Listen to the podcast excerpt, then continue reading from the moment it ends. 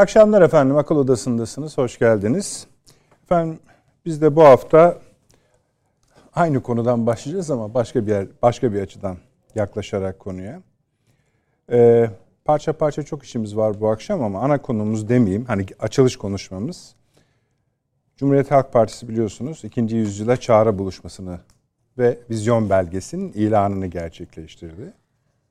Burada 70 uzmandan mürekkep bir kurulun tanıtımını yaptı.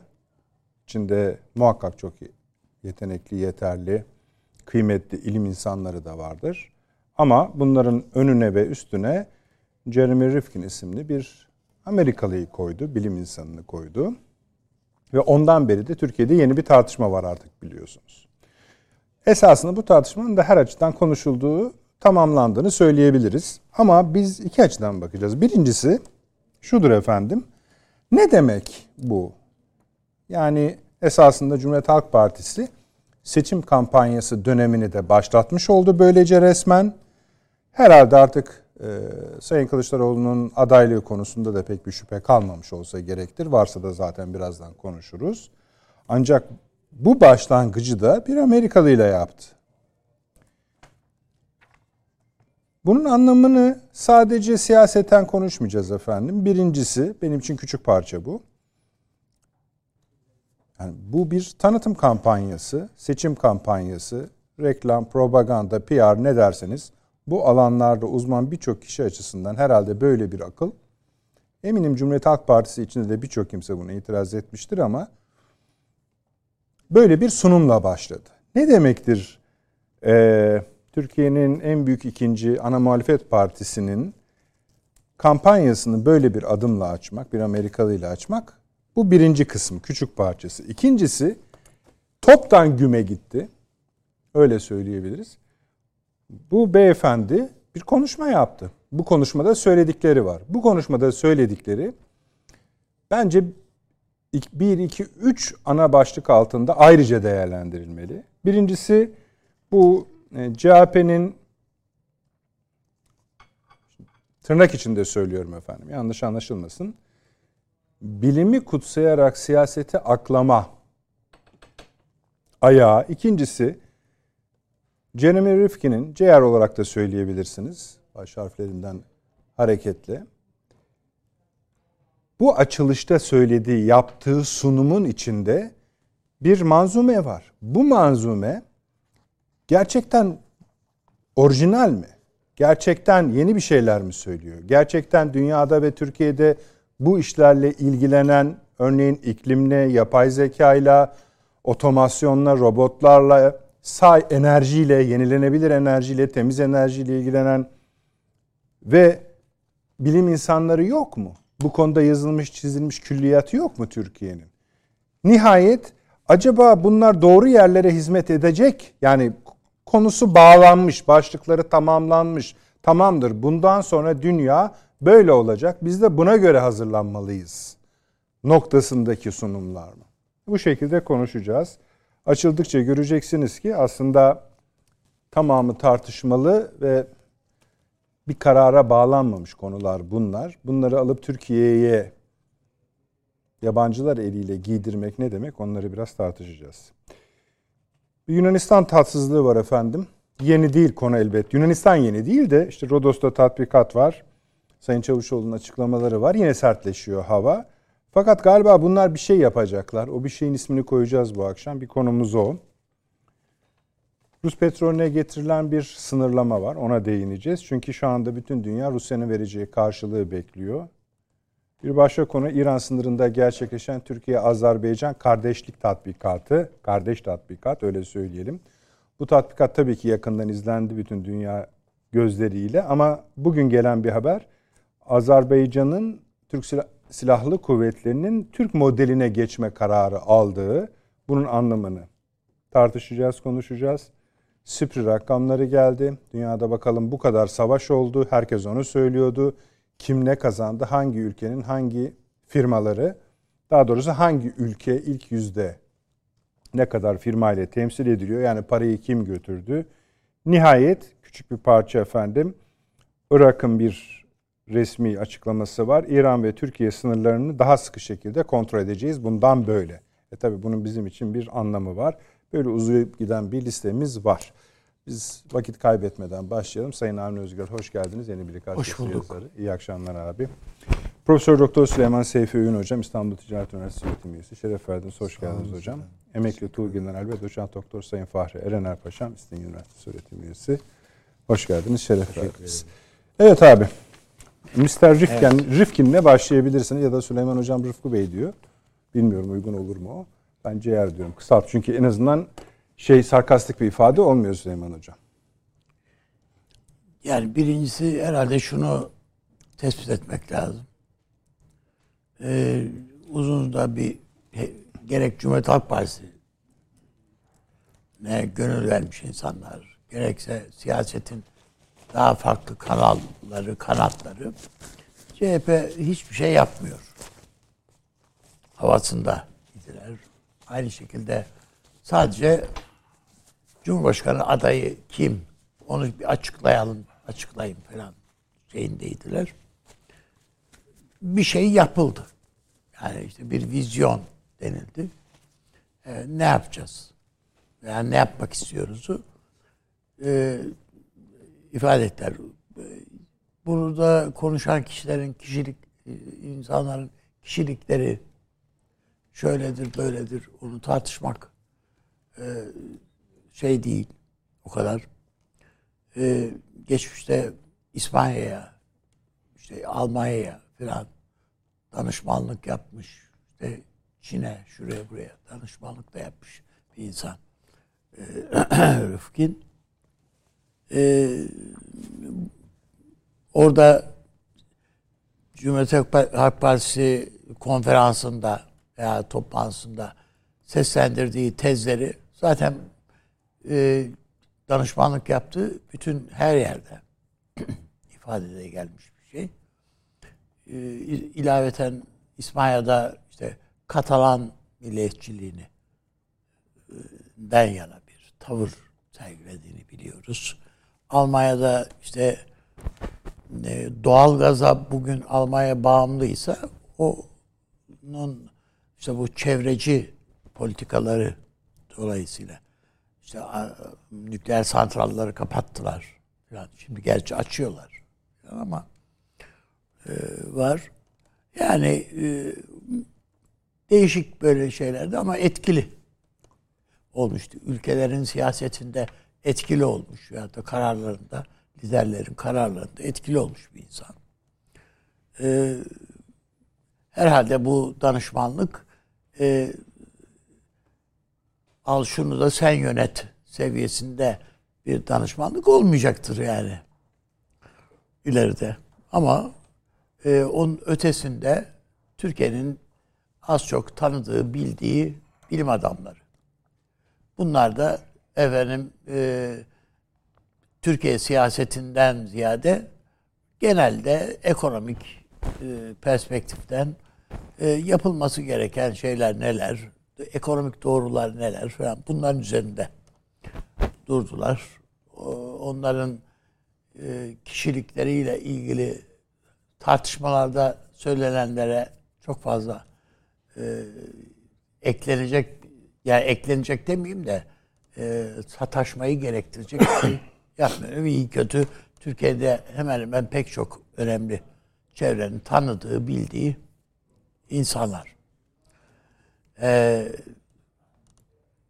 burada problem şu. Türkiye'de az önce siz de söylediniz. Yani problemlerin ne olduğu ve bunların çözümlerinin ne olduğu konusunda e, orada da seslendirilen e, düşünceleri dillendirebilecek ve derinle şey yapabilecek bunları siyasete yansıtabilecek e, birikime sahip Türkiye'nin e, gerçekten önemli insanları var. E, burada bir tek mesela yanlış umarım ki bu konferans o toplantıdaki konuşmaların hepsi e, herhalde metinleri de yayınlanacaktır diye düşünüyorum. Ee, burada tabii Cumhuriyet Halk Partisi'nin sözcüsü Faik Bey değil mi? Onu belirlemek lazım. Mesela onun konuşmasındaki cümleler arasında e, herhalde Türkiye'de e, olası bir iktidar gerçekleşti, mutasevver bir iktidar gerçekleştiğinde bütün dünyanın tanıdığı, ettiği filan bir Merkez Bankası Başkanımız olacaktır, atanacaktır gibilerden bir cümle var gibi geldi bana. Yanlış hatırlamıyorsam. O iyi bir cümle değil yani bana göre mesela. Niye? Yani, yani bütün dünyanın tanıdığı yani e, bütün bu, dünyanın tanıdığı demek Batı'dan parayı kolay bulacak biri demek. Tercüme etmekte Hayır, hayır Batı'dan gibi. parayı kolay bulacak demek değil yani. Ee, Ekonomi politikaları onlarla uyumlu olacaklar. Yani evet, onların dediklerini yapacak. E, tamam işte. Da, yani, tamam. Daha ne olsun? Yani sizin banka yani Merkez Bankası şeyleriniz, kriterleriniz ve hatta Merkez Bankası kanununda biliyorsunuz bir takım özellikler var yani bunu tarif eden. Onlar değil, bizim uluslararası uyumumuzu sağlayacak bir isim filan gibi e, cümleler var. Onu e, bilmiyorum yani tam metni şu anda elimde onun deşifresi yok yani. E, bu tür atıflar var. O yüzden sadece ben veyahut da bizler e, başkaca insanlar eleştiriye açmış değiller bu toplantıda yapılan konuşmaları. Az önce söylediğim ölçüyle yani Türkiye'de bilim insanı yok. E, Türkiye'nin herhangi bir yani ne bileyim önemli üniversitelerindeki iktisat bölümlerindeki e, hocalar, aydınlar bunlar bunları söylemekten acizler de dışarıdan işte onları getirdik falan gibi e, eleştiriler o toplantı sürecinde bile konuşuldu. Cumhuriyet Halk Partisi ka, şey kademeleri tarafından bile seslendirildi. Dolayısıyla yani e, mutlaka var ama hani komşunun tarımı komşuya kaz görünür. E, yabancı bir yerden bunları söylettirmek daha bir cazip gelir diye mi ne düşündüler? Onu tahmin edemiyorum. Fakat benim dikkatimi o konuşmalardan ziyade bu konuşmalar mutlaka önemli bildiğimiz şeyler. Ama e, kapanışında konferansın kapanışında e, Sayın Kılıçdaroğlu'nun yaptığı konuşma var. Bunun fevkalade önemli olduğunu düşünüyorum. O Neden? birincisi bana göre resmen adaylığın açık ilan edildi masaları masayı da şey yaparak vurarak vurarak dünyanı dünya bak sana söylüyorum diye yani e, yani geliyoruz senle senle işte senin çöplüğün olmaya değil şu değil bu değil falan ama senle rekabet senle, senle rekabet, rekabet etmeye geliyoruz e, dediği bir konuşma. Bu son derece sert bir konuşma bana göre. Sert derken yani vuran kıran anlamında bir sertlikten söz etmiyorum. İddialı bir konuşma. Bu konuşmanın tam bir siyaset anlamında elbette kalabalıklara dönük bir mesajı var tabii. Ama birlikte siyaset yaptığını ifade ettiği altılı masaya da dönük cümleler bunlar. Yani çünkü siz bir siyaset yapacağım diyorsunuz, değil mi? E, herhalde burada e, o yapının dışında e, 6 tane parti var. Bunlardan en az iki tanesinin yani iyi bunlar sak, gizli saklı değil yani İyi Parti ile e, Deva Partisi'nin diyelim ki ekonomiyle ilgili iddialı hazırlıkları var yani. En az ikisinin. En az. Evet en az ikisi. Yani var. E, dolayısıyla bu e, onlar bu konuşmalara ne dediler bilmiyorum.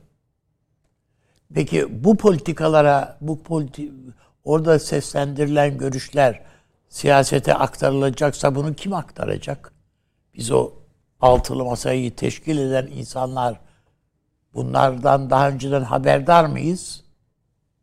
Yani şu kişiler böyle böyle şeyleri seslendirecekler e, filan diye. Yani önceden bunlarla konuşulmuş mu? Hayır. Ben konuşulmuş olsaydı herhalde hem Sayın Ali Babacan hem de e, İyi Parti'deki arkadaşlar herhalde onlar seslendirirlerdi. Bunlar biz birlikte istişare ederek dillendirdik orada diye. Öyle bir şey de olduğunu düşünmüyorum. Ee, o yüzden bu ben böyle yapacağım diyerek Sayın Kılıçdaroğlu'nun e, bir seslendirmesi. Bunun bu demin şey e, dedin ya abi. Hani e, güçlü bir şekilde Sayın Kılıçdaroğlu dünyaya rekabet etmeye hani öyle dedi değil mi? Ya da o da onu daha önce de söylemişti. Tekrar Evet, zaten. öyle. Ha, nereye muhatap alarak söylüyor bunu? Yani e, bu iç kamuoyuna ya bu e, Kılıçdaroğlu'na dönük içeride bir takım eleştiriler var değil mi? Yani hı efendim işte e, yeteri kadar ses getiremiyor. Kamuoyu oluşturmada yeteri kadar etkili olamadı şu ana kadar hı hı. falan diye. E, siyasette biraz da bağıra, bağıra çağıra. Yani dünyaya meydan okuyor ama içeriye Yok, doğru. Yok canım dünyaya meydan okumuyor. Ha, dünya yani, dünya Hayır, reklam, yani meydan dünyanın kasıt... değişik yerlerinden insanlar getirerek dünyaya meydan okunmaz ha, yani. Tam onu söyleyecektim. Yani siz yani, de Merkez Bankası örneğini verdiniz ha. ya. Tamam. Yani, yani aslında dünyaya, dünyaya doğru bağırıyor sesi. Ama içerisi içeriye, esas içeri muhatabı içerisi Çok içeriye. Yani e, kamuoyuna söylüyor bunları. E, orada o bakımdan e, ben, e, bir fevkaladelik yani değişik öyle e, bir şey ve 4 ay 5 ay sonrasına da yansımaları devam edecek olan bir şey henüz ortaya çıkarmış çıkmış değil. Yani bir şeyi böyle bir program açıklandığı zaman onun yansımalarının çok e, artçı sarsıntılarının devam ediyor olması icap eder. Artçı sarsıntısı bunun bu programın Sadece işte Rıfkın filan gibi tartışmalar, oradaki konuşmalardan değil de orada o Rıfkın tartışmaları artçı sarsıntı olarak gelir. Beş ay daha devam etmez bu. Oysa geçmişte Cumhuriyet Halk Partisi'nin de rahmetli Bülent Ecevit'in açıkladığı Ak Günler bildirisinin ben değil aylarca yani yıllarca tartışmasının yapıldığını veyahut da yansımalarının sloganları dahil yani. Şimdi hepimiz hatırlıyoruz değil mi? İnsanca, hakça bir düzen, ne edilen ne ezen filan diye. Yani daha sonra ne bileyim rahmetli Necmettin Erbakan'a da ilham verecek olan işte adil düzen şeyleri filan e, dayanak olacak. Sloganlar da dahil yani şiirsel belki ifadeler ama e, hepsi o kitapçık veya esaslı bir çalışmaydı Bülent Ecevit'in. E, bu hiç, e, partide birlikte hareket ettiği insanlarla e, müşterek hazırladığı Ak Günler bildirisi. Sonra İsmet Paşa'ya meydan okuduğu, o ki onu kendisi yazmış. Perdeyi kaldırıyorum diye bir konuşması var. Kongre konuşması var. Bunların hepsinin ben çok esaslı kaynaklar olduğu bugün de Türkiye siyasetin açısından bakıldığında e, ses getiren ve sonradan da bir hayli e, önemli olduğunu bildiğimiz kaynaklar olduğunu düşünüyorum.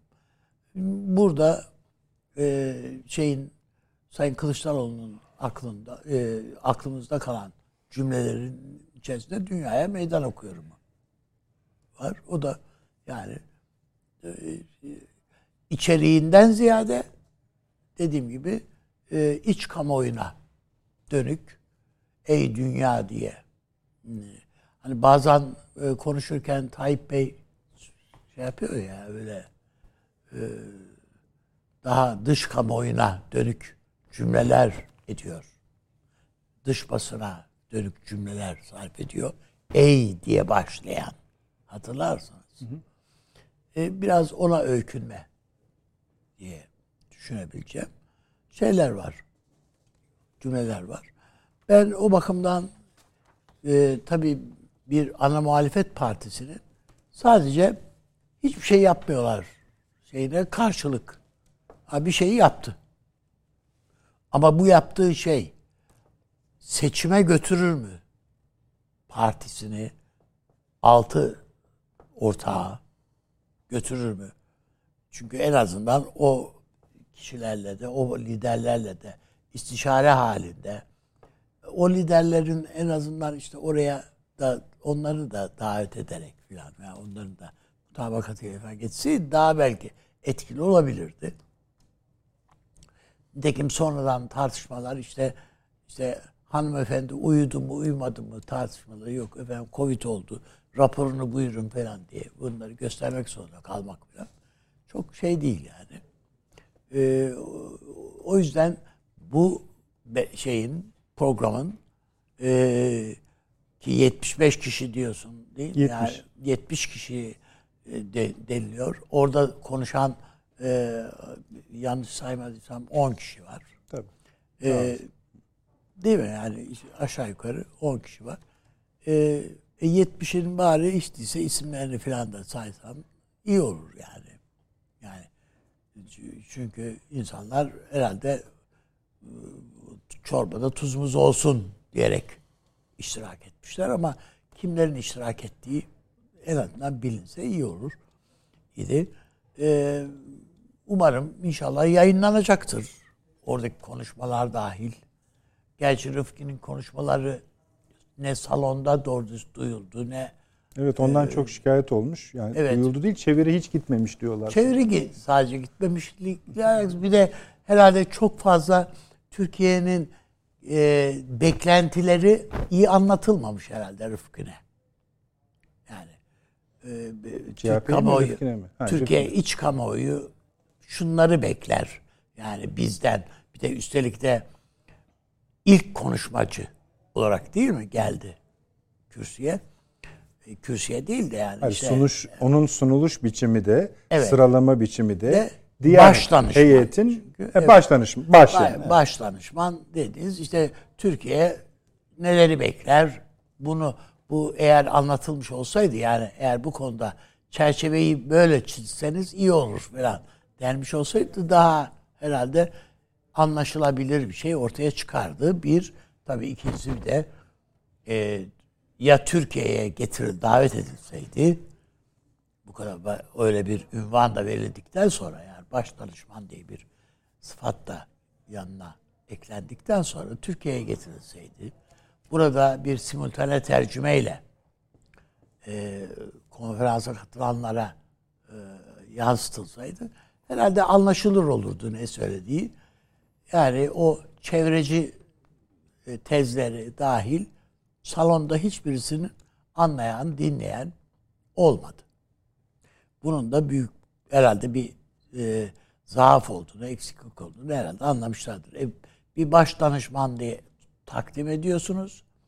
E, bunun da sadece Merkel'in danışmanlığını yapmış olması ile tanıtmak falan o yani zaten çok, bir ölçüde ol, yani iyi bir yani, şey mi kötü bir şey mi onları bilmiyoruz. O, hayır yani varsay ki e, bu bir, şey bir e, iyi şey bile olsa bu değil yani bir insanı tanıtmanın şeyi bu değil yani.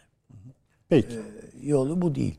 Ben o bakımdan e, yansımasının oradaki dile getirilen görüşlerin yansımasının e, seçime kadar e, ta, götüreceğini pek zannetmiyorum açıkçası. Peki teşekkür ederim. Sevgili hocam. Valla yani bir kere öncelikle ben e, tebrik ediyorum yani CHP'yi. E, çünkü hakikaten üzerine ölü toprağa serpilmiş gibiydi. Evet değil mi yani? Evet yani ezberleri şey yaptılar yani. tekrar ediyordu. Böyle bir takım doktriner şeyler falan. E, ve bize şunu düşündürüyordu. Yani bu memlekette bir iktidar problemi olabilir. Yani her iktidar bir bir şeyleri yaparken bir şeyleri de sorun haline getiriyor olabilir. Böyledir de zaten. Ee, dolayısıyla bir iktidar sorunu her zaman her yerde vardır. Ama bizde bir de ayrıca muhalefet sorunu oluştu. Yani bu nasıl muhalefet filan diyorduk. Şimdi bunları düşündüğümüz zaman yani o şikayetlerimize dönük bir hafıza tazelemesi yaptıktan sonra bu yaşanan gelişmeyi en azından hani bir hareketlilik olarak, bir yöneliş olarak takdir etmemek e, pek de adilane olmayacaktır. bu açık, net. E, şimdi bu toplantının adı vizyon toplantısıydı. Vizyon ne demektir? Yani vizyon ileri yönsemeli bir bakış demektir değil mi? Yani, yani ileriye dönük olarak, geleceğe dönük olarak bir şey söylemek. Yani sadece bakış olarak da anlaşılabilir tabii e, kelime manası olarak ama daha çok buradaki ifadesi, işlevi o olsa gerekir. Şimdi bu bir kere CHP açısından değil, bütün partiler açısından Türkiye'de hatta dünyada bir vizyon geliştirme telaşı var. Yani herkes yeni bir şey söylemek istiyor. Ee, bunun artık bence bir siyasal takıntı haline geldiğini söyleyebilirim. Onun için bundan sonra söyleyeceklerim CHP'ye münhasır değil, genel belki bütün bir siyasal kültüre münhasır şeyler olarak anlaşılsa amacına ulaşmış olur ifadeleri. Şimdi e, mesela eskiden ne denirdi bunlara? Program açıklanırdı. Yani partiler program açıklarlardı. Kimse vizyon lafı falan etmezdi yani işte doktriner bir takım açıklamalar olurdu veya ideolojik bir takım açıklamalar olurdu. Ondan sonra işte belki programla ilgili falan. Şimdi ben şöyle bir hızlı bir şekilde Üstad da biraz bir kısmını dile getirdi bunların. Geriye dönük olarak bu Türk siyasetinde sismik etki yaratmış bir takım sloganları şöyle bir elden geçirdim. Mesela 1950'de yani hatta şeyden başlayalım. Kurucu süreçlerden başlayalım. Orada bir ifade var. Hakimiyet bila kaydı şart milletindir. Evet. Şimdi bakın burada ulus refere ediliyor. Sonra işte tek parti dönemi, onun doğurduğu bir takım sorunlar. Bir Demokrat Parti çıkıyor. Yeter, söz milletin diyor. Bakın şimdi. O da aynı şeyi işaret ediyor. Yani ulus demiyor da millet diyor. Neyse. Bunlar sarsıntı yaratır. Yani bunlar çok etkili ifadelerdir. Sonra ne bileyim işte 1970'lere geliyorsunuz. Yani çok daha tanıdık. Ak günlere diye bir ifade. Toprak kullananın e, şey işleyenin su kullananın toprak reformu. İşte e, ne bileyim e, işte insanca, hakça yaşamak falan. Şimdi evet. Ecevit'i hatırlıyoruz değil mi yani? Buna karşı işte adil düzen diye bir Necmettin Erbakan çıkıyor vesaire. Şimdi bu toplantı bitti. Ne kaldı aklınızda? Hiçbir şey kalmadı. Rifkin. Şimdi Rifkin tamam da yani. Yani bir böyle hani ya aslında yani biter iş mesela şaka iyi, diye söyledim sonra evet öyle o kaldı. E, o kadar kaldı iyi bir şair nedir diye sorulduğu zaman şöyle yani öldükten sonra da bu adamın iki tane dizesi zihinlere mıh gibi çakıldıysa evet. o iyi şairdir işte. Mesela başarılı bir siyaset yapmak bu e, ifadeleri yakalamaya bağlı. Ve bunların mümkün mertebe insanlı olması lazım. Yani insana Dokunuyor. dönük dokunması lazım. Şimdi mesela bu e, Rifkin zaten yazılarını da biliyorum ben onun. Yani fikirlerine e, ilk defa karşılaşmıyorum. E, Rifkin'in söylediklerinde bir insan vurgusu gördünüz mü siz? Yani doğadan bahsediyor, çevreden bahsediyor. E, ne bileyim işte yeşil bilmem ne diyor, ekoloji. Tür diyor. Tür diyor falan. Şimdi bakın. İnsan var sadece bir noktada var. Biyolojik bir tür olarak var. Evet evet. Çok önemli. Şimdi işte bunun üzerinde durmak zorundayız. O zaman kısaca tabii bu anlattıklarım uzun uzun anlatılması, açılması gereken şeyler ama şöyle bakalım.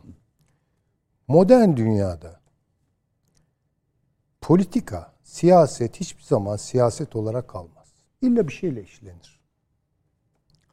Mesela sanayi devrimi, üretim atağı değil mi yani? Arkasında bilimler, teknoloji, patentler, bilmem ne, sanayileşme, işçi sınıfı, şu bu yatırımlar tamam. Bu dünyada siyaseti eşleyen kavram, politikayı eşleyen kavram ekonomidir. Buna ekonomi politik denir. Veya politik ekonomi. Burada üretim iddiası vardır. insanın üretken olma iddiası vardır. Ve üretim, üretici insan tarif edilir. Üretken insan, verimli insan. Kimdir bu işte meslek sahibidir, okumuştur, çalışmıştır, üretmiştir vesaire. Son derece özcüdür bu bakış. Şimdi bu sürdürülebilir miydi? Hayır, sürdürülemezdi. Çünkü bu bakışın bu programda da defalarca anlatıyoruz. İçinde yaşanan bazı çok ciddi problemler vardı. Buna artık üretkenlik, verimlilik dışı bir fetiş anlam yüklendiği zaman yani o sanayileşme büyük ölçekte o Fordist tabiatıyla, Taylorist terlemeci tabiatıyla hayata geçirildiği zaman toplumları çökertiyor. Sürdürülemiyor. Sürdürülebilir bir şey değil. Ve o çözülürken şimdi bir baktık Allah Allah. Ekonomi politiğin kavramları nedir? Homo economicus. Sokakta gördünüz mü böyle bir zatı siz? Yani ekonomi yani size etiketin şeyini e, ne bileyim kart vizitini falan verdi mi? Ben homo ekonomik yok. Öyle bir şey yok. O bir bir postüla. Veya yurttaş. Yani homo politicus mu diyeceksiniz? Zoon politikon mu diyeceksiniz Aristo'nun dediği gibi? Kim bu yurttaş? Erkek mi, kadın mı? Ee, iyi mi, kötü mü bilmiyorsunuz. Yani demek ki ekonomi politik dediğimiz o çift kavramlı terkip ifade bir insansızlaştırma üzerine kuruluydu. Ve çözüldü. Çözülürken ne oldu? Aa, insan ihmal edilmiş diye üretim toplumunun dışladığı ne kadar kültürel unsur varsa hepsi siyasete boca edildi. Bu da olmayacak. Yani bu sefer yeni bir ikileşme öngörüldü. Dediler ki ekonomiye dokunmayalım. Ekonomi böyle tabiat kanunları gibi müdahale kabul etmez bir şey. Evet. Kültürel problemlerimizi çözelim. Kültürle siyaset zeytinyağı su ilişkisidir. Siyasal akıl, siyasal kurumlar bunları taşıyamaz. Bu da bir süre sonra artık baktık kan davalarına filan dönüşüyor yani. Herkes biraz şöyle geri durmaya başladı bu işlerden. İşte tam o sırada üçüncü eşleme çıktı. Üçüncü eşleme imkanı. O da teknopolitik bir eşleşme. İşte Rıfkin'in konuşması odur. Evet. Teknopolitik işte hani açılışta nispeten bahsettim. Yani evet. O bölüme bak hiç bakılmadı. insansızlaşmayı mutlaklaştıran yani şimdi 19. asırda işçi dediğiniz zaman evet bir soyut bir şey geliyor ama sokakta görüyorsunuz adamları. Öznesi var yani. Girişimci deyince görüyorsunuz prosunu akmış işte böyle lüks bir restoranda biraz görgüsüz yemek yiyen para babaları falan yani. Ha. Veya işte mesela Henry Ford gibi bir adam yani. Değil mi üretken aileler yani.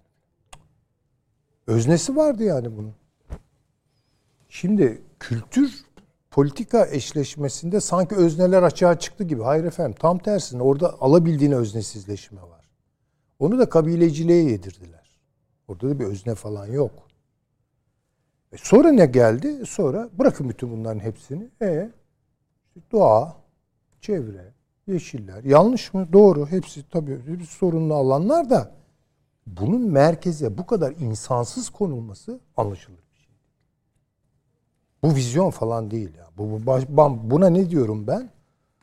Buna bir yazımda da yakın zamanda yazdığım bir yazıda da söyledim. Buna vizyon denmez, illüzyon denir. Nerede insan ya? Neyi konuşuyorsunuz? E şimdi bir sol parti olduğunu söylüyor.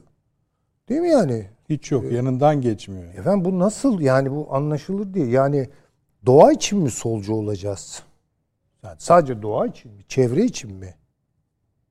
Ya tabii bunlar sorun değil demiyorum. Yanlış anlaşılmasın. Küçümsediğim hiç anlaşılmaz. Ama bu böyle konur mu canım? İnsanla beraber koyacaksınız. Bakın empati diyor ya. O biyolojik tür tür neyin İnanılmaz empatisi? İnanılmaz bir laftı o yani. Biyolojide empati falan olmaz. Çünkü bu teknopolitik dünyayı içinden kuran şey biyotekniktir. Ve önümüzdeki asrın bana kalırsa en derin problemleri burada yaşanacak. Yani inşallah insanlık ayılır. Çünkü aksi takdirde bu sürece girerseniz bu dijitalleşmeyle başlayan her şeyi dijitalize edilen akıllı efendime söyleyeyim şeyler e, ne yapay zekalar akıllı şehirler akıllı sanki biz daha evvel çok aptaldık yani böyle buna akıl aklı nihayet keşfettiler. Hayır efendim böyle bir şey yok. Şimdi buna bir, bir kere çok dikkat etmek lazım. Bu CHP'nin tek başına problemidir. Hayır. Külliyen Türk siyasetinin problemidir. Altını çiziyorum. Herkes bundan bir ders çıkarsın lütfen. Yani şimdi e, Rifkin e, başka bir parti onu transfer etseydi orada da konuşurdu Rifkin. Ya bugün ona kızanlar onu orada alkışlıyor olacaklar. Evet. Çünkü bu meseleler Türkiye'de ciddi bir de ciddi... bir de profesyonel ilişki var ortada efendim, canım. Yani. Tabii ki. Ya öyle tabii ki. Şimdi bu şunu gösteriyor bize. Bütün bu eşleşmelerde aslında siyaset metalaşma zincirine dahil oluyor. En son siyasetin geldiği yer nedir biliyor musunuz? Vitrindir. Yani sizin hangi fikirden hareketle, hangi ideolojiden hareketle, hangi derin kavrayışlardan hareketle ne söylediğiniz hiç önemli değildir bugün dünyasında. Onu nasıl paketlediğiniz, nasıl ambalajladığınız, nasıl bir görsel şölene döktüğünüz. Çünkü her bir aşamada ekonomi politikte politik olanın içi biraz boşaldı. Sonra e, kültür politikte sanki çok takviye ediliyormuş gibi hormonlaştı. Tam tersine. Hormonlaştı ve hormonlar bitirdi o işi. Kültürel hormonlaşma denilen bir şey yaşandı. Benim dediğim daha doğrusu. Sonra şimdi bugün tamamen plastik bir tekno şey bakış. E, ne oldu siyaset? Şimdi siyasetin e, bu vitrin tarafına dair birkaç şey söyleyip bitireyim. Çok uzatmak istemiyorum. Ya bunlar fasıl fasıl konuşulacak şeyler yani. Onu da söyleyeyim mümkün olduğu kadar kompakt anlatmaya çalışıyorum. Şimdi e, geçen de hatta bir e, sohbet sırasında bu de, konuşuldu. Eski alışveriş kültürü şudur. Yani bir an evvel mesela ceddimiz kapalı çarşıya gider. Dükkanından alacağını alır. Çok etrafa göstermeden evine gider. Adap, alışveriş adabı. O dükkanların vitrini yoktur biliyor musun? Vitrinsizdir o. Kuytudur dükkanlar. Modern dünyada tüketim denilen bir kavram öylesine şişirildi ki tıpkı üretim gibi, üretimi de şişirdik tabii. Bunu önce müşterilere sunmak, o malın üretiminden bile değerli hale geldi. Yani siz bir dükkandan, kuyumcu dükkanından vitrinde bir yüzük görürsünüz, alırsınız. Işıl ışıldır o orada. Eve gelirsiniz. Aa, o kadar da değilmiş ya bu dersiniz. Reklamasyonlar, sunumlar, vitrinler. Bunların hepsi birer içeriksizleşme. Vitrin dükkandan daha önemli yani. yani vitrine ne koyduğunuz daha önemli. Ee, bu e, işte vizyon toplantıları tekrar ediyorum herhangi bir partiyi özellikle değil. Bütün partileri kastediyorum. Bunu net olarak söylüyorum. Yani CHP burada çıktı karşımıza. İşte konuşuyoruz. Sorunlu bir özel tarafıyla Rifkin meselesi. O ayrıca konuşulur. Ama bir show business'tir. Siz hatırlıyorsunuz değil mi Sayın e, Baykal'ın e, ki o zaman 70'ini mütecavizdi yaş olarak bir e, kong şeye kongreye gelişini. Tabii. Merdivenlerden koştura koştura indi. Bir bulutlar falan böyle rockstar mı geliyor? E, Ricky Martin'in bir şarkısı falan. Ne, ne, neydi o? Bu neydi yani? Çünkü bugün sadece şu önemli siyasette. Bir, arkasını çok düşünmeden, temelini de çok böyle tartmadan yeni bir şey söylemiş olacaksınız. İlk defa siz bir marjinalizm hastalığı var. Çok güzel bir film var izleyiciler izlesin. Newness diye bir film. Bir daha söyleyin. Newness. Bu yenilik çılgınlığının insana yaşatacağı ağır sonuçları çok güzel. Siyasette de böyle ya. Yeni bir şey ya. Hiç söylenmemiş. Gıcır gıcır bir şey. Ne? Marjinal fayda. Ondan sonra ve en ileride bir şeyi söyleyeceksiniz. Ve bunu en e, görsel e, bunun aslında sosyolojide de bir karşılığı karnavalesk bir düzeyde söyleyeceksiniz. Bu siyasal karnavalesktir bu işler. Onun için yani baktığım zaman benim gördüklerim bunlardır. Bu tuhaflıkları ama bunu dediğim gibi küresel bir siyasal kültürel mesele olarak koyuyorum. Ya bunu sadece evet. Türkiye CHP özgü yani şimdi doğrusu ben çok memnun değilim bu tartışmalardan. Yani birileri çıkıyor işte CHP o kadar açık verdi ki bu çıkışında acemiliğe gelen o kadar çok da şey vardı ki yükleniyorlar CHP'ye. Şunu şöyle yaptılar işte orada o karıştı falan filan. Tamam da herkes yapıyor bunu. Hangi parti yapmıyor? Gösterin bana bir tane de vizyonu böyle vizyon toplantıları, balonlar uçurmayan bilmem ne. Ne oluyor? Oluyor? Faşink midir siyaset yani? Hayır siyasetin bir coşkusu. Tabii olur. Her zaman vardı. Ama ben insanlara bilmiyorum yani bir tavsiyede bulunma gibi şeyin mercide değilim hiçbir zaman ama en azından kendi adıma söyleyeyim. Siyasette şunun takibini artık yapmaya her zamandan daha fazla ihtiyacımız var. Yahu dünyada evet tabiat berbat durumda. İklimi bozduk, biz mi bozduk? Onlar da doğru düzgün tartışılmıyor. Ne kadarını bozduk, ne kadarı iklim tarihinin içinde özel bir meseledir. Onları da bilmiyorum. Ama de tamam bir tahribat oldu. Çok açık, çok net. Ya insan tahribi oldu. Şu dünyadaki eşitsizliğe baksaya insanlara. Bir tane bu laf duyuldu mu Rifkin'in ağzından? Yani hepsi bir ekonomik mucize e, açıklamak istiyor. Ya insanlar geçinemiyor. İnsanlar sıkıntı çekiyor. Dünyada ağır bir eşitsizlik problemi var. Ve zenginlikler gittikçe daha dar noktalarda toplanıyor. Aşağısı daha sefilane hayatlar. Hiç kimsenin umurunda değil bunlar. Ne, ne, neyin vizyonu bu Allah aşkına? Bu ancak olsa olsa dediğim gibi illüzyon olur. Ve illüzyon da bir yatıştırıcı bir tarafı herhalde vardır. Meraklısına armağan edilir. Şimdi vizyon ismini taşıdı ama hem topun gelişi yani bu top yani çünkü çıktı mesela dedi ki şu tarihte ben şunları açıklayacağım dedi. Ve o andan itibaren daha iç politikaya yönelik seçim kampanyasına yönelik bir başlangıç beklendi. Esasen kendisi de açılış konuşmasında buna atıfta bulundu. Yani sunumlarla içi, e, sunan arasında bir fark var. Ayrı konu. Yani bunun seçim kampanyası nitelikleri üzerinden çok eleştirisi yapılabilir. Ama dediğim gibi ben burada kalmak istiyorum. Yani sizin üzerinizde durduğunuz. Hani dediniz ya küresel siyasi mesele. Şimdi bakın hocam. Nihayetinde bunları sayıyor Rifkin. İçin, bak, konuştuklarını konuşuyoruz. İzleyicilerimiz onu unutmasın sayıyor ve bunu sonuçta bir nihai çıktıya bağlıyor. Dünya bundan sonra böyle olacak. Yani bir küresel tahayyül anlatıyor. Bu tahayyül. küresel tahayyül mesela Avni Bey bahsetti ya Faik Öztürk Bey'in ondan sonraki konuşmasında açılış bölümünde yok. Diyor ki o dünya böyle bir aşamadan geliyor ve yeni yani bir yani o dönem öldü ortaya yeni bir çocuk da çıkmadı diyor. Yani doğmamış çocuğa bir şey öneriyor Rifkin. Ve onların altını da bu saydığımız şeylerle dolduruyor. Gerçekçi mi? Bilmiyoruz.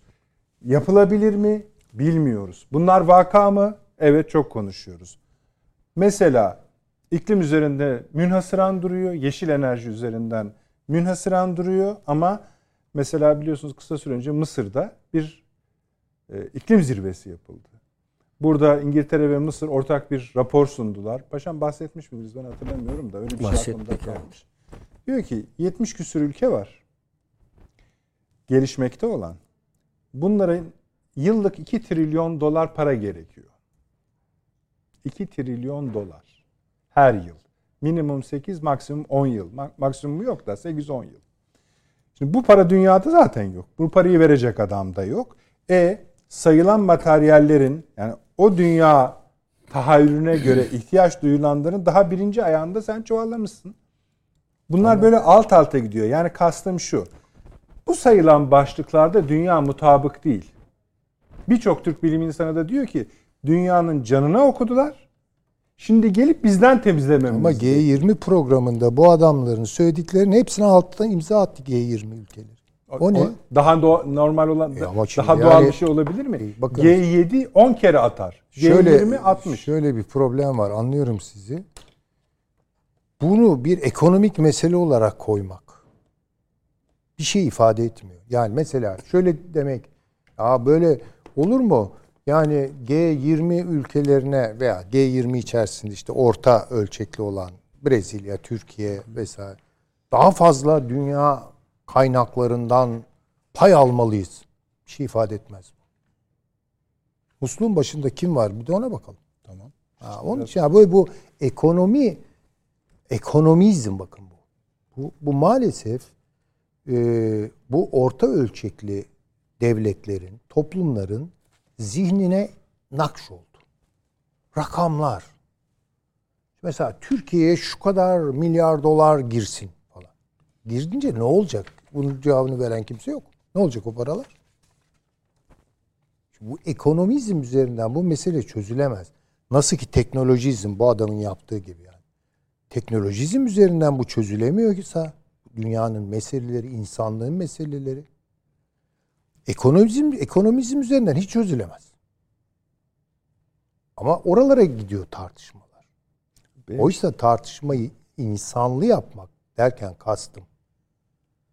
insanı merkeze koyacağız. Bu herhalde en başta dinimizin icabıdır. Eyvallah. Yani çünkü bu kadar insan kıymetini kıymetlendirmek yani insana insan olarak ya eşrefi mahluk ya ne demek bu ya? Çok büyük laf bu ya. Altında kalırız bu lafın ha. Eğer öyleysek bir dakika ne söyleniyorsa ekonomide, teknolojide ne diyorsanız siyasette bunlar nasıl dile getiriliyorsa insanda sağlamasını yapmak şartını koyabiliyorsak ha, o zaman bence tartışmalar düzgün ilerler. Ama böyle fakirlik, zenginlik, kim ne kadar falan. Bir dakika ya. Öyle olmuyor bu işler yani. Bu, bu çemberden çıkmamız lazım. Bu çemberden çıkmamız lazım. Şunu da hemen söyleyeyim de yani burada bütün ideolojiler bakın yani sosyal demokrat olduğunu söyleyen CHP'liler alsınlar şunları şurada olup biten şeyleri vursunlar insan üzerinde bir sağlamasını yapsınlar. Bakayım ne geçiyor ellerine. Sıfıra sıfır elde var bir bile değil. Muhafazakarlar da yapmak zorunda yalnız bunu Türkiye'de. Ya bir dakika ya. ya. Neyi ne kadar muhafaza ettik madem? Muhafaza etmek bir şey insan içindir. Çünkü insanın varlığını zenginleştiren bir şeydir. Değerleri muhafaza etmek. Çok ciddi bir şeydir bu. Bakalım o zaman herkes bunda bir sağlamasını yapsın. Hani onun için ya benim söylediğim yani e, onu söyleyip çekileceğim. CHP bir anlamda sorunu bize göstermiş oldu. Bütün çıplaklığıyla ve özel bir sorunuyla birlikte teknolojizm meselesi. Ama bence Deva Partisi de bir kendine baksın. Ee, Gelecek Partisi de baksın, Memleket Partisi de baksın, e, AK Parti de baksın tabii. Niye bakmıyor? Belki oradan çok daha vizyoner şeyler söylenecek. Ama bu CHP'nin bir özel şeyi gibi algılanmasın. Yani bu haksızlık olur. Bu genel olarak bir siyasi, kültürel bir mesele. Peki teşekkür ederim. Paşam buyurunuz. İçerik konuşuyoruz. Evet, e, ben öncelikle tabii e, vizyon konusunda e, Pazartesi e, kamuda stratejik yönetim dersini anlatıyordum siyaset biliminde. Vizyon asla inanmıyorum. E, bu kadar da devlette e, çalıştım, stratejik plan hazırlamalarında bulundum. E, bugün sorunuz bakalım, e, o yılın stratejik planı çıktığı anda vizyon kimin aklında? Ya da e, herhangi bir şekilde performans programları ortaya konulduğunda vizyona ne ölçüde ulaş, ulaşılmadığını e, kim ortaya koyuyor? O yüzden e, vizyonla ilgili e, bütün açıklamaların e, bence e, yönetim modası derler işletmede. Bir yönetim modasıdır ve e, artık geçerliğini yitirmiş. Sadece stratejik planları hazırlarken kağıt üzerinde kalan e, biz gelecekte e, nereye gitmek istiyoruz diye e, süslü püslü kelimelerden oluşan ama kimsenin de içeriği konusunda haberdar olmadığı bir kavramdır. Artık bu kavramın e, yavaş yavaş e, terk edilmesi gerekiyor. Yoksa zaten stratejik planların hepsi de hazırlandıktan sonra masanın gözüne konuyor ve unutuluyor. Ee, diğer bir konu e, burada tabii e, ben e, kimlerin katılıp katılmadığından ziyade hadis-i şerif, hadis-i şeriflerde yazar. İlim Çin'de bile olsa öğreniniz diyor. E, dolayısıyla e, burada Rıfkı'nın gelip gelmemesi veya gidip gelmemesi değil. E, ortaya koyacağı projenin e, seçimlerde veya toplumdan nasıl bir tepki göstereceği önemlidir. Yani isimlerden e, onun Türkiye ilişkin ortaya koyduğu sonuçlar e, Cumhuriyet Halk Parti'nin seçmenine e, olumlu ve olumsuz yansıyacaktır.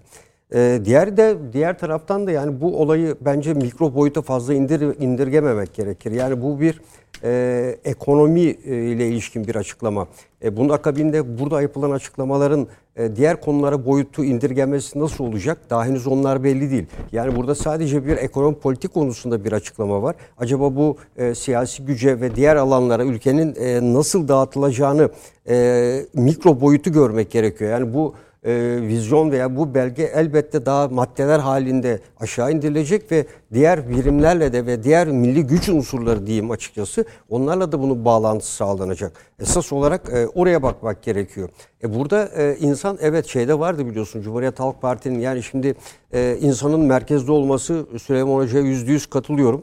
E, bütün partilerde aynı hata var. E, burada herkes teknolojiden bahsediyor.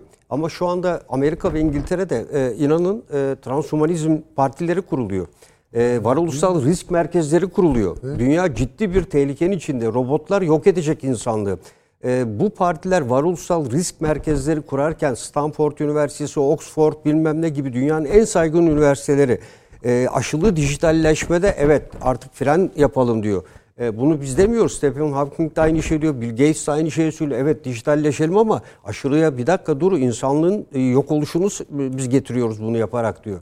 Ve ilginç bir şekilde e, İngiltere'deki e, bu parti bundan sonra diyor insanlara karşı olacak diyor robotlardan vergi alınmasını bile koyuyor.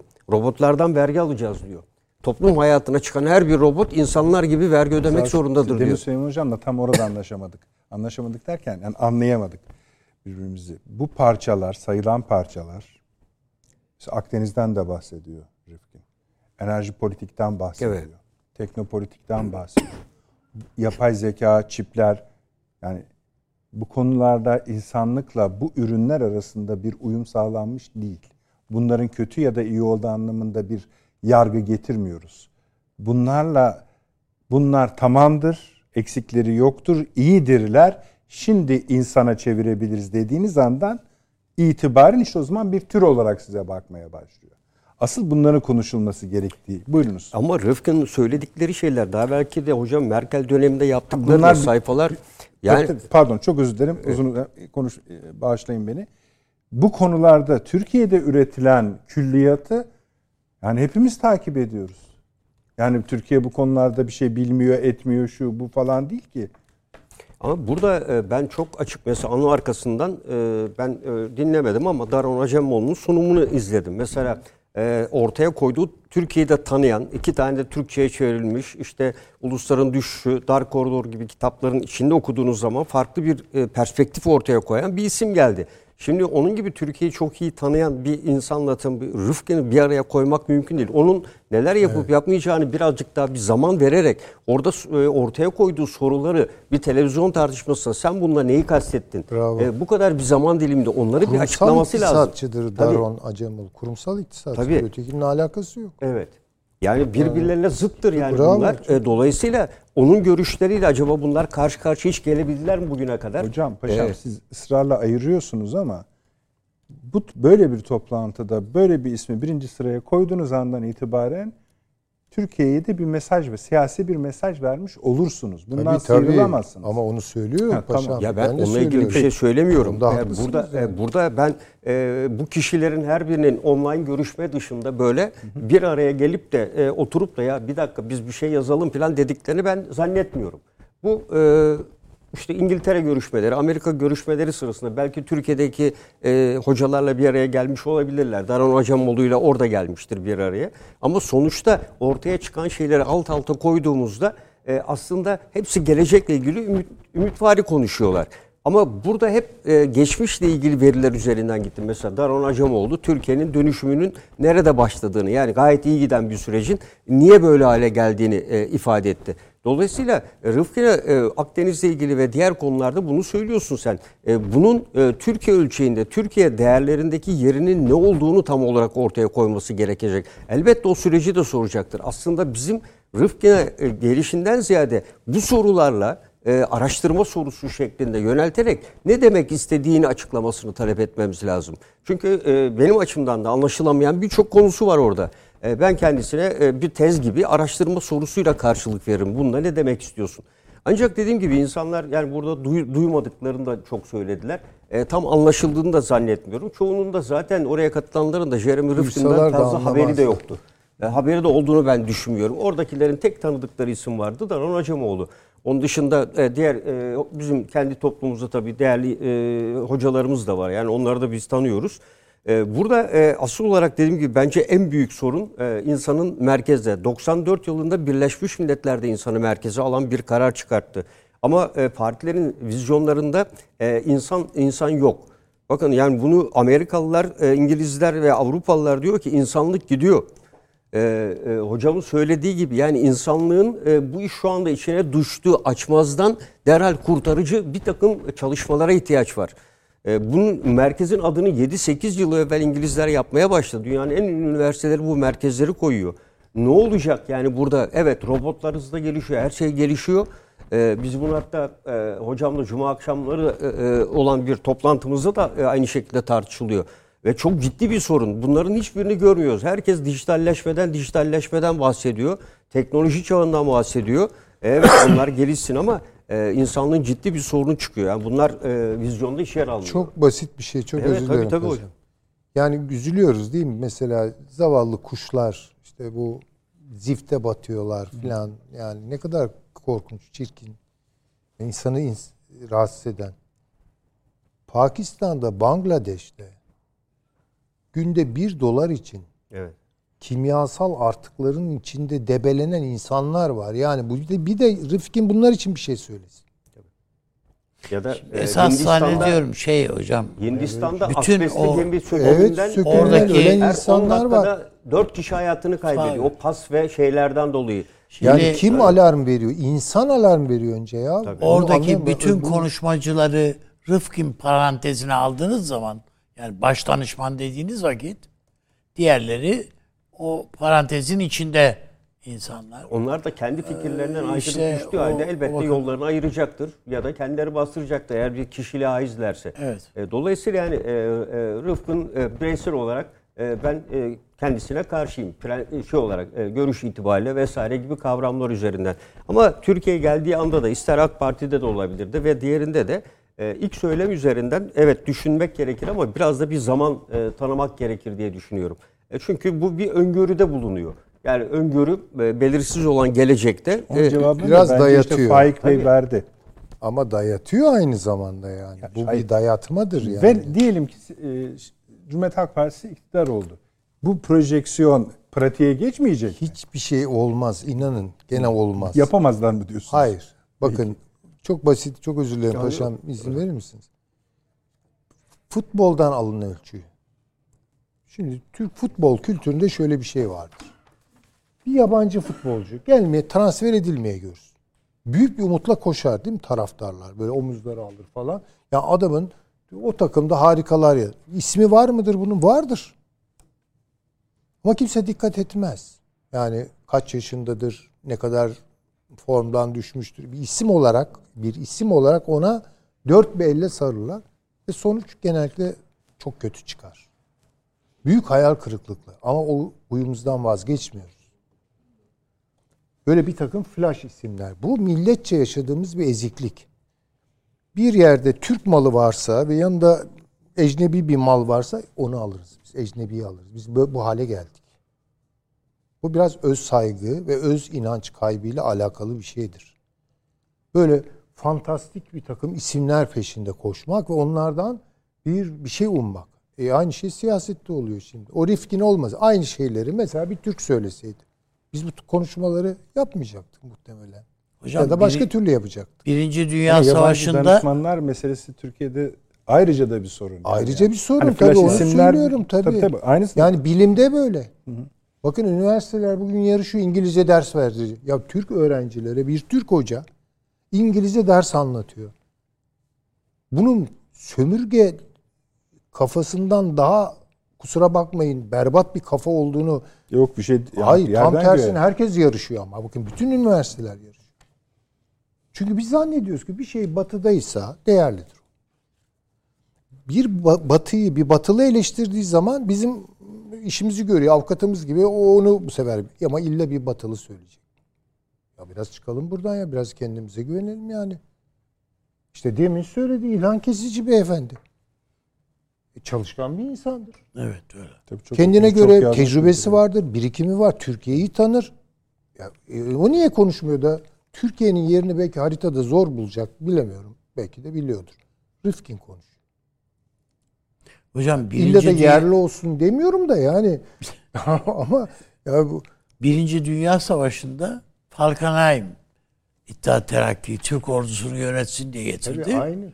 Kovaca, nasıl kovacağız diye şaşırdık. Enver Paşa paniğe düştü. Ha, tek tük e, faydası olanlar da çıkıyor işte Alman bilim adamları gelmiş buraya Evet. bize bir- tamam buna ben bir şey demem ama her daim olur mu bu? Her şeyde olur mu bu? Bu anlaşılmaz bir şey ama bu bizim genel hastalığımız. Öyle bir problemimiz var yani. Var. İşte onu konuşuyoruz. Evet. Paşam buyurunuz. Ben e, genel olarak söyleyeceklerim bunlar zaten. Anladım. Ee, bu yani ben aslında istiyorum ki hani bizim tabii bir şeyimiz müsait değil bu kadar zaman ayırmaya ama burada sayılan başlıkları da şimdi çünkü aslında orada söylenenler bir bütünlük arz ediyor. Şöyle ki değişik ağızlardan çıktığı itibariyle. Yani mesela e, Cumhuriyet Halk Partisi'nin dış politikası nasıl olacak sorusu bunun bunların hepsinin de üstüne Tabii. çıkan, onları çerçeveleyen, nihayetinde mesela hemen sadece bugünkü konuşmamızdan altına ekleyebileceğimiz Avni Bey'in Merkez Bankası Başkanı ne demektir dediği soru. İşte burada küresel siyasi mesele dediğimiz e, sonuçlar. Nihayetinde yabancı danışmanlar meselesi. Nihayetinde diye giden uzun bir manzume. Ama Bunu- bu zaten öyle bir program ki yani bu liberal kapitalist kapitalizmin bir ortaya e, yaldızlandığı bir sunum bu. Yeni yüzüyle. Evet. Evet ama işte bir yeni tabii- bir yüz bile yok hocam yani. teknoloji, çok fazla yok. dijital. Evet. Evet işte süslenmiş haliyle filan. E bunu söyleyen de bir sol parti. Nereden Yani, al? yani sol olduğu iddia ediliyor. Kime ağlayalım diyorsunuz? Evet yani işte araya o da bir, ayrı bir mesele. Birazdan konuşacağız. Konuşalım onu da yani. Tabii, tabii, Orada hayır, çünkü- bence önemli şeyler var. Ben Bence- o açıdan çok tutarlı buluyorum. Şey ha, mi? bütünü Tabii, tabii, itibariyle sol- tutarlı. Tabii tabii. Yani bu bu ne biçim sol diyebiliriz ama hangi ölçüye başvurduğumuza bağlı. Belli ölçülere başvurursanız fevkalade tutarlı. Solun bugün çevreci olması, yeşilci olması falan bunlar çok tutarlı şeylerdir. Türkiye'nin çok ciddi Ama solu nasıl tarif sol aydınları bağlı. da var hocam yani değil mi? Yani ekonomist aydınları da var. Bunların hiçbirisi burada yok. Peki oradan biraz İsimleri yürüyelim. yok. Ee, asıl konularımızla da bağlantı kurarak efendim yani dış politikaya da geçmiş olacağız böylece. Kısa bir aramız var 6 dakika Evet. kadar. Hemen geliyoruz. Döndük efendim akıl odası devam ediyor. Şimdi bütün bu başlıkların üstündeki başlıktan devam edeceğiz. Çünkü mesela Rıfken Akdeniz Birliği'nden söz ediyordu. Akdeniz Birliği'nin enerji boyutundan da söz ediyordu. Çevre boyutundan da söz ediyordu. Yeşil enerjiden de söz ediyordu ama genel vatan gerçekliği var gibi. Şimdi bunları mesela Ana Muhalefet Partisi'nin acaba dış politika aksamı nasıl olacak gibi bir açılış yapabiliriz.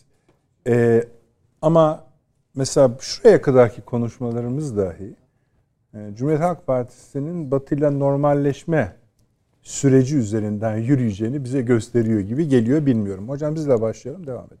Yani normalleşme ne acaba?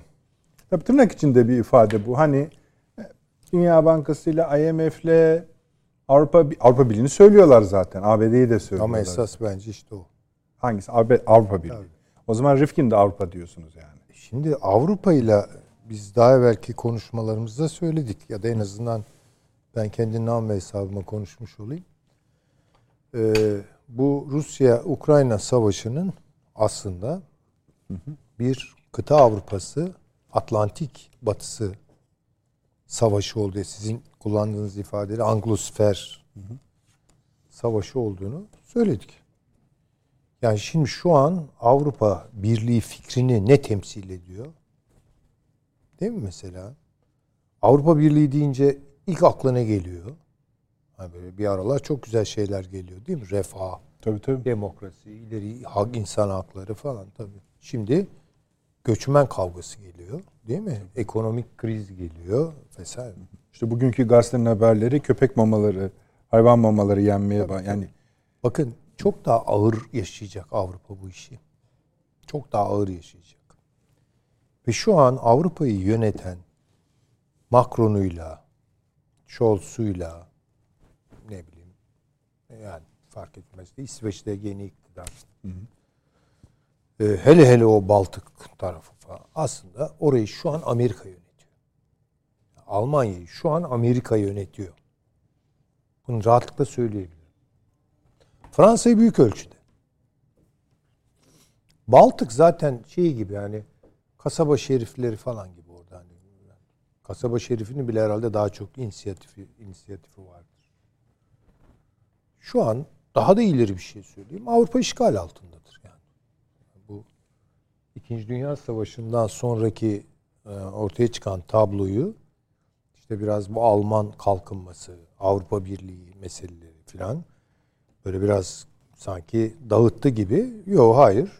Basbaya şu an biz işgal gücü olarak buradayız diyen Amerika var yani Almanya'da. Nefes aldırmıyor. Ha Almanya bunun altından kalkar kalkmaz onu ben bilemem. Ee, bunu yapmalarının sebebinin de Avrupa-Çin bütünleşmesini, Asya bütünleşmesini engellemek oldu. Onun için Avrasya'nın göbeğinde savaş çıkardılar. Bu da çok açık. Bunu görüyoruz. Şimdi böyle bir güç dağılımına baktığımız zaman bu tırnak içinde vizyon toplantısında edilen laflar.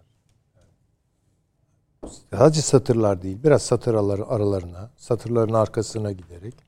Yer yer buna da gerek yok çünkü çok açık ifadeler de ortaya çıkabiliyor. Ee, bu e, partinin, Cumhuriyet Halk Partisi'nin bir kere sureti katiyede herhangi bir milli endişesi falan yok.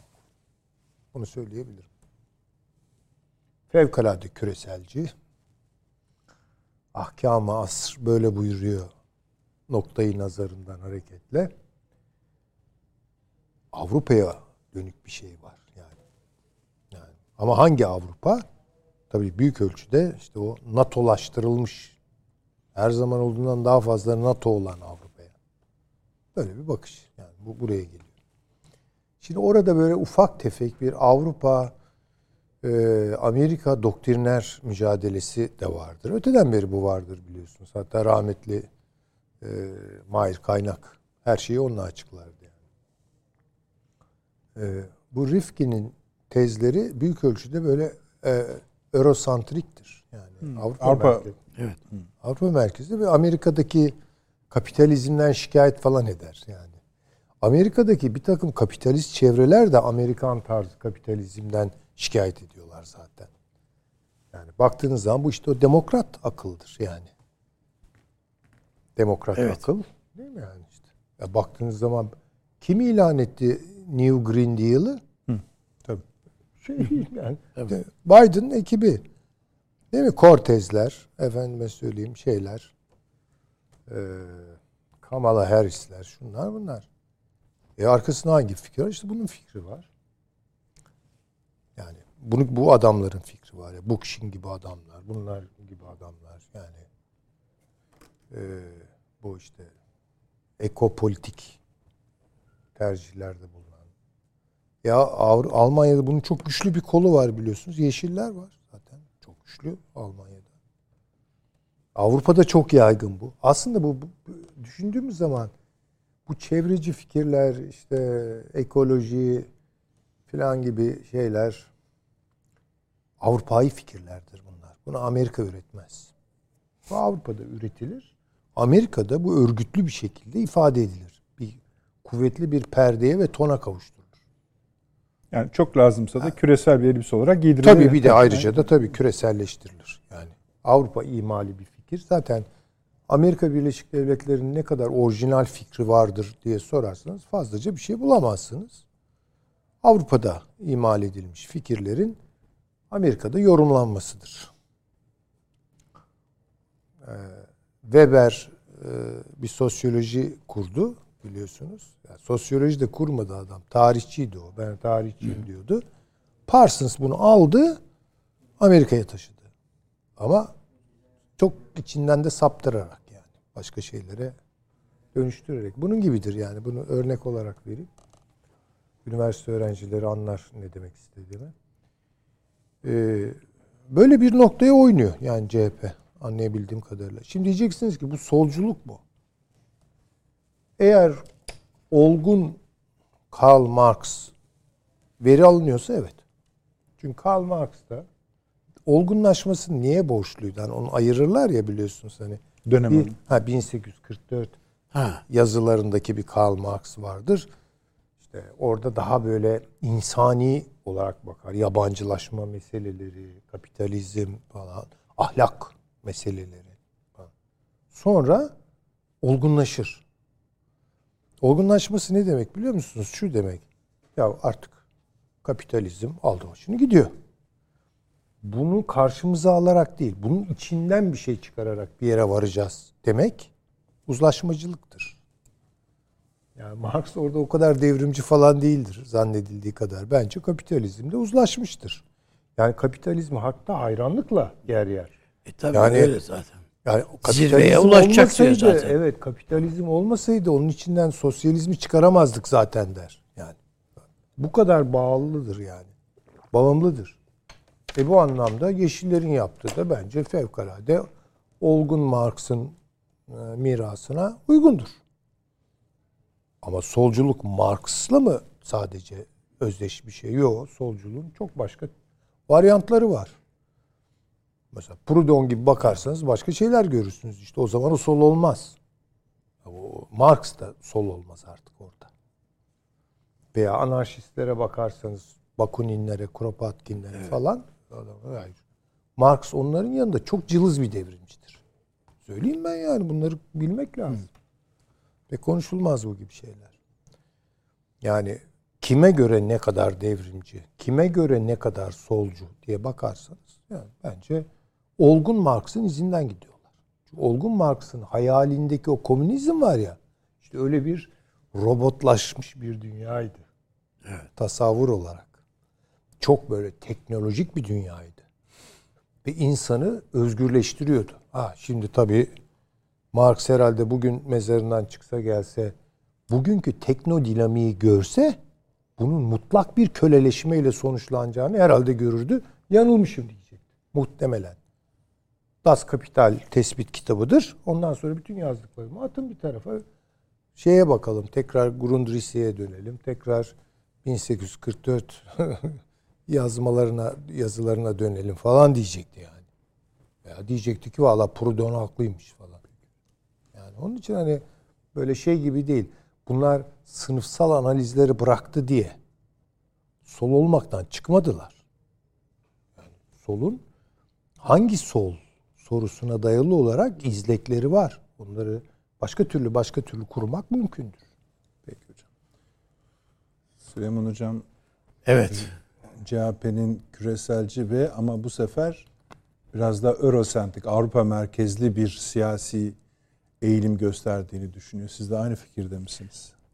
Ben e, yani daha böyle e, kağıt üzerinde teorik bir çözümleme bu. Yani Siz şey mi diyorsunuz? Pratikte bizim CHP işte diyorsunuz. Ha? yani. Öyle- Peki devam edin. Yani programın başlangıcında Süleyman Hoca falan söyledi. İnsan dışında bir çözümleme. E, ka- onun için diyorum kağıt üzerindeki bir şey. ta- tavır. Bütün o konuşmaların içerisinde e, üstelik de daha sol kimliğiyle bildiğimiz Hacer Hanım herhalde işte çocuk meseleleri falan, falan, yoksulluk falan üstüne bir sos gibi onu solculuğu işte üstüne dökerek falan e, şey yapmışlar e, tanzim etmişler. E, ama bunun bir solla falan bir alakası yok. Yani kapital kapitalist dünyaya nasıl eklemleniriz? Nasıl uyumlu hale geliriz? Yani Avrupa Birliği'nin beğeneceği e, ölçüleri neyimiz varsa yani nerede sağımızı solumuzu budayarak e, kırıp dökerek filan bu kalıbı oturturursak eğer bizi orada o mehafilde bizi savunabilecek insanları da eğer yanımızda yanımızda bizim e, şeyimiz olarak avukatımız olarak veyahut da sözcümüz olarak e, bulundurursak belki gelecekte orada kendimize yer açtırırız diye bakıyorlar. E, ben bunu Avrupa Parlamentosu'na ilk gidişinde e, Kılıçdaroğlu'nun oradaki ateşli konuşmasına parlamentoda değil de parlamento başkanıyla falan yaptığı konuşmalara, sohbetlere orada biraz beklentisine ters şeyler oldu biliyorsunuz. Ee, doğrudan doğruya yani Tayyip Erdoğan'a e, aleyhine bir takım şeyler söyledi. Yok, gayet hoşnutlukla karşılanacağını düşünmüştü. Oysa yani oradakiler nihayetinde siyasi lider diye bakıyorlar. Tay- Tayyip Erdoğan'ı da Türkiye Cumhuriyeti'nin başbakan diye bakıyorlar. Dolayısıyla yani öyle e, o ölçülerle değerlendirdiler. Orada e, çok beklenti beklediği gibi olmadı. E, sonradan oradaki e, danışmanlarını değiştirdi. E, o çevreye yaklaşımı kimle kimlerle yapması gerektiği konusunda fikirleri değişti. Nitekim bizim diplomatlarla değil, işte yabancı bir takım şeylerle, elemanlarla e, o ilişkileri tanzim etmenin daha kolay Yani siz olabileceği. CHP'nin e, dış politikasını bak kapitalizm par eklemlenme, neoliberalizme eklemlenme, Evet bu Avrupa Birliği'nin e, bütün unsurlarıyla Avrupa Birliği çatısının çatısında uyumlu hale gelme. Bravo. tamam. Tamam. Yani Bu şu anki bütün Türkiye AB şeylerimizde yani bütün Merkez Bankası mümkün olsa yani biz hemen Euro'ya Euro ya Türk lirasını bir tarafa bırakalım. Euro kullanmaya başlayalım filan. bunu söyleyen Gibi. gazeteciler de oldu biliyorsun. Var biliyorsunuz köşe yazarları falan da var yani öyle şeyler de çıkıyor. Yani onun için e, ben e, bunun e, böyle bir program olduğu kanaatindeyim. Yani ka- kapitalist bir şey deyince şimdi hani Amerika'daki MIT'den şuradan buradan hocaları çağırmış olmak e, bunu bir Amerikan kapitalizmine eklemlenme değil, bunu Avrupa'ya eklemlenmenin bir şeyi, formülü olarak bakılıyor. Tekim hocaların esasında konuşmalarının da altında bu yatıyordu zaten orada. Dolayısıyla ben önümüzdeki dönemde Türkiye'de eğer siyaset biraz daha farklı bir platformda tartışılacak olursa ben bunun masaya yatırılabileceğini AK Parti tarafından olsun, diğer partiler tarafından da olsun bu boyutuyla tartışılabileceğini, çeşitli platformlarda tartışılabileceğini düşünüyorum. Yani seçim dönemi inşallah izin verir böyle bir şeye. Ama e bunu da bu, buna izin de verir tabii. Olabilir yani bunlar. Yani illa her şey kürsülerde, meydan mitinglerinde konuşulmayacak. Onun dışında da bir takım şeyler konuşulacak ve televizyon programlarındaki efendim şu muydu bu muydu diye böyle bir takım alakası her konunun uzmanı olan kişiler tarafından tartışılmayacak herhalde. Bazı önemli meselelerde gündeme Peki. gelecek diye bakmak Peki, lazım. Teşekkür ederim. Ben e, önümüzdeki dönemi e, bu manada o e, Cumhuriyet Halk Partisi'nin yeni şeyi yaklaşımının partinin kadrolarını da etkileyecek bu. Yani bu bir vizyon ortaya bu böyle bir şey ortaya koyduktan sonra e, kadroları da buna göre tanzim etmek lazım. Yani bununla uyum sağlamayacak bir milletvekili listesi çıkarırsanız çok fazla bir anlamı olmaz. Ama yok kardeşim zaten biz hatır için bu işleri yapıyoruz. İşte milletvekili şimdi milletvekillerini de kırmayalım, dökmeyelim. O da gelsin, bu da gelsin. Ne? iş dönerse bu vizyonun da biz sadece işte dostlar alışverişte görsün diye yaptıydık zaten. Ne? Peki. Döner.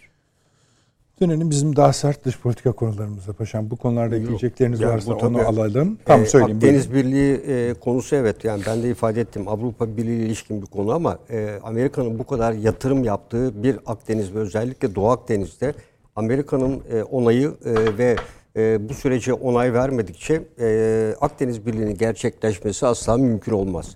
E, çünkü Amerika Birleşik Devletleri Girit'te bu kadar e, geniş e, limanlar yapıyor sistemler konuşlandırıyor. Birlik sayısını arttırıyor. Güney Kıbrıs Rum yönetiminden silah ambargosunu kaldırıyor. Onlarla birlikte ortak eğitim ve tatbikatlar yapıyor. E, bu süreçte dikkat ettiğimizde, e, baktığımızda ciddi bir yatırım var. Hatta ben bunu Amerika'nın genişletilmiş Orta Doğu veya genişletilmiş Doğu Akdeniz stratejisi diye de ifade ettim. Orta Doğu ile direkt bağlantılı diye. O yüzden Akdeniz Birliği'nin e, her ne kadar hedefi tabii bir siyasi birlik sağlamak asla mümkün o değil. Yani burada e, sağlansa ancak ekonomik bir birlik.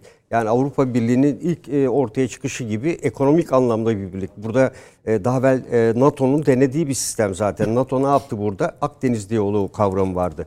Yani buradaki ülkelerle e, Akdeniz diyaloğuyla onları demokrasiyle tanıştırmak, e, NATO'nun temel ilkeleri kapsamında demokratik ülke seviyesine Türkiye'de sık sık gelirler ve davet edilirdi. Tunus'tan, Cezayir'den e, askeri ve sivil heyetler gelirlerdi. Dolayısıyla bu daha evvel denenmiş bir şey. E, Avrupa Akdeniz Birliği kavramı öncelikle tabii Avrupa Birliği'nin güvenlik mimarisi içinde de önemli yeri olan bir husus. Yani PESCO'nun da ilgi alanı. E, bu açıdan da Amerika Birleşik Devletleri'ne rağmen bir Akdeniz Birliği kurabilmek evet Avrupa Birliği'nin dediğim gibi güvenlik mimarisi ve ekonomi politikasının bir devamıdır. Çünkü Güney Kıbrıs Rum yönetimi bugün Avrupa Birliği'nin üyesidir. E, ve sınırları da orada sona ermektedir zaten. Onun karasularıyla birlikte.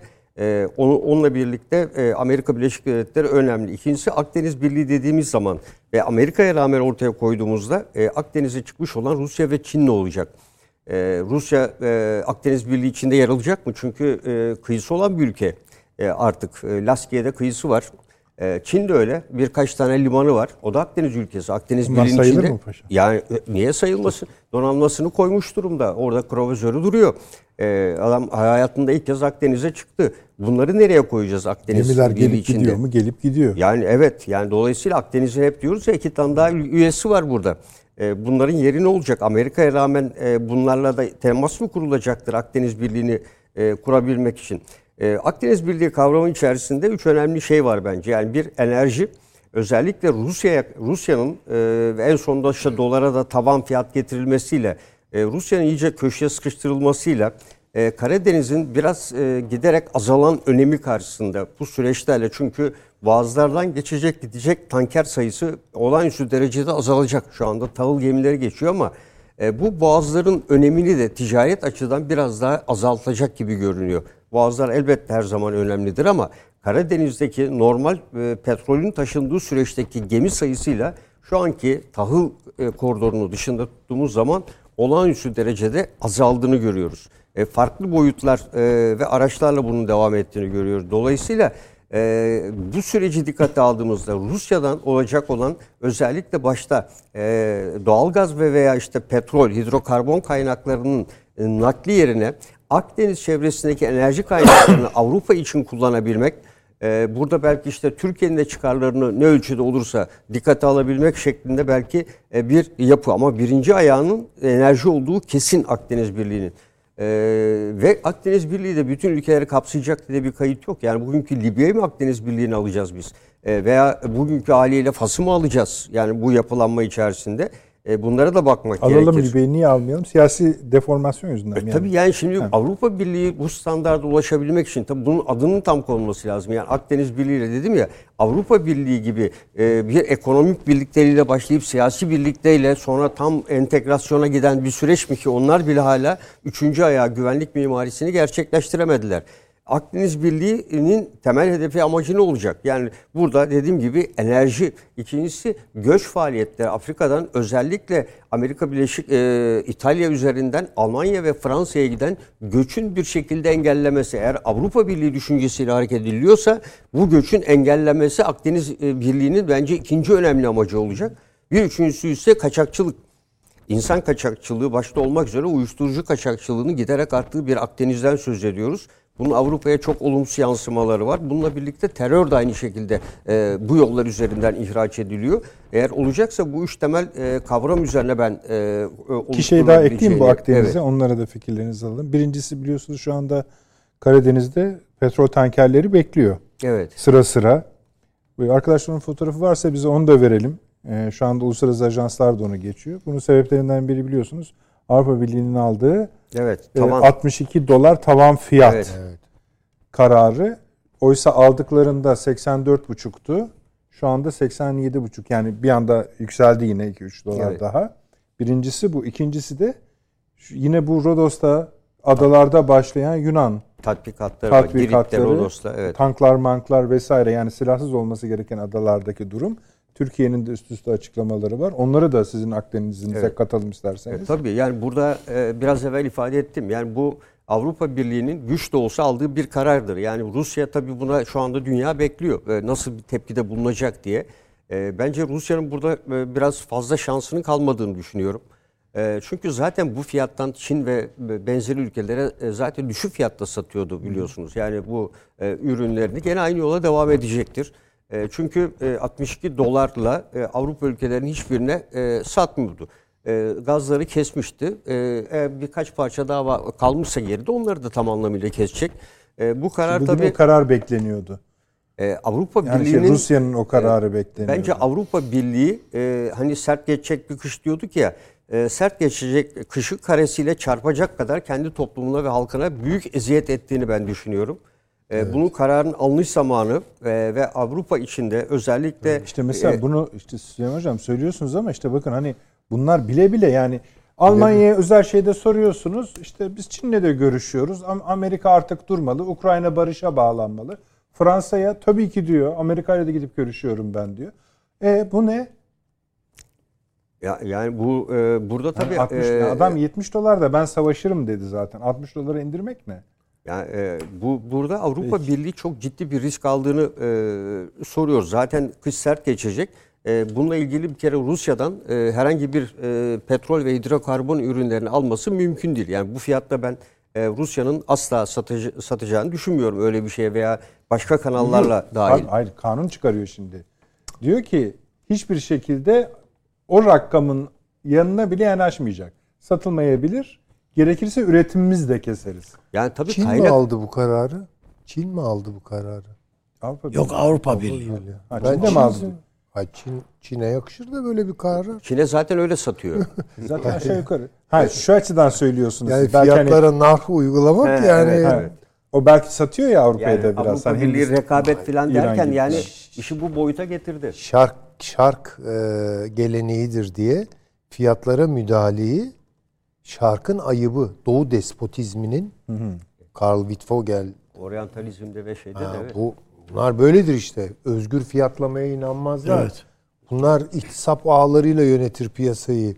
Nar koyar, Nar bilmem ne falan. Yaptığınız ne şimdi bu, bu ne?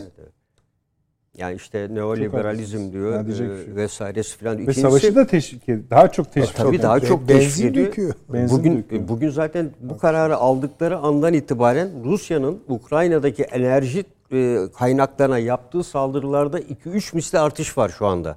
Biraz evvel yine son dakika olarak önemli bir enerji tesisini bombaladığı geçti. E, biraz evvel. Tabii orada tabii ben Evet. şuna da dikkat etmek lazım. Bu sefer Rusya'nın içinde de garip yani olaylar olmaya başladı. Yani çok yakın mesela Moskova'ya çok yakın yerlerde o alan kritik şehirlere yakın havalı askeri havaalanlarında filan. Yani buna yani izin burada, vermeyecekler e, yani bu barışa. E, evet yani zaten kimse barışa e, hani bir barışın olmasını hiç kimse istemiyor. E, bu yüzden de Rusya'nın daha da sertleşmesi için Batı e, elinden gelen her türlü çabayı Zelenski gösteriyor. 30 dolar olmalıydı diyor Evet. bu petrol.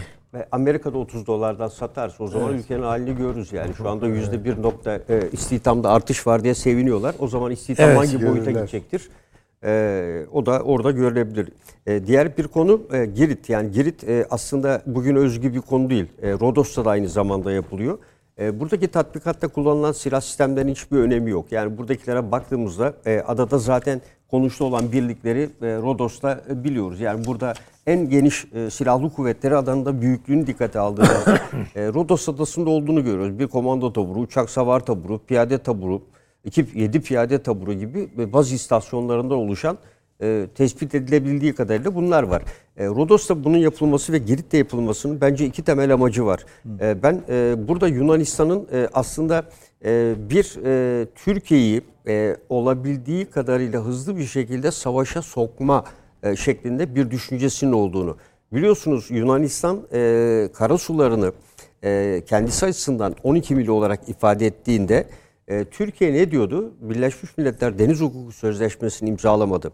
Adalar, e, Yunanistan ne diyordu? Adaların da kendi karasuyu var diyordu. Türkiye ise adalar ana karadan farklı e, olarak ortaya konulamaz e, ve jeolojik özelliklere e, dikkat ederek bunlar Anadolu'nun uzantılarıdır e, şeklinde bir düşünceleri sürüyordu. E, burada Yunanistan e, kendi ileri sürdüğü ve aslında Türkiye'nin imzalamadığı Birleşmiş Milletler Deniz Hukuku Sözleşmesi'nde de yer alan bu maddeden hareketle bu iki adada tatbikat yapıyor olmasının altında e, ben yakın bir tarihte bakın bütün Ege Denizi'nde değil Türkiye'yi test edecek şekilde casus belliği harekete geçirecek mi geçirmeyecek mi? Rodos ve veya Girit'in. Girit'te bu kadar Amerika altyapısının hazırlanmasının temel nedeni de bu. Bu adalarda özgü olarak karasularını 12 mil olarak ilan edebilir. Bu, bu bunu yapabilir her an için. Yunanistan bunu bizim hani o zaman sizin dediğiniz gibi bir savaş işte. İşte casus Yunanistan'ın temel amacı, e, Amerika'nın da temel amacı Türkiye'nin dikkatini ne Kafkaslara, ne Orta Doğu'ya, ne de Kıbrıs'a çekecek şekilde yoğun bir savaşın içine sokabilmektir. Şu anda bu netleşti. Bugüne kadar Rodos'ta tatbikat yapmayan Yunanistan ne oldu da birdenbire Rodos'ta ve Girit'te, Girit'te yapmışlardı Amerikalılarla ama Rodos'ta e, burada ben geçmişe yönelik baktım böyle ufak tefek şeyler dışında hiç bugüne kadar tatbikat yapılmamış bu ebatta. Ve e, birçok birlikler de Anakaradan getirildi. Diğer adalardan filan da getirildi. Ve e, dediğim gibi bakın bunun ikisinin özelliği var. Rodos e, Türkiye kıyılarına yakın. Girit de Orta Akdeniz'i kontrol eden ve Ege çıkışını kontrol eden bir özelliği var. Bu iki adaya bu gözle bakmak lazım. Niye Midilli değil de Rodos? Niye Sakız değil de Girit?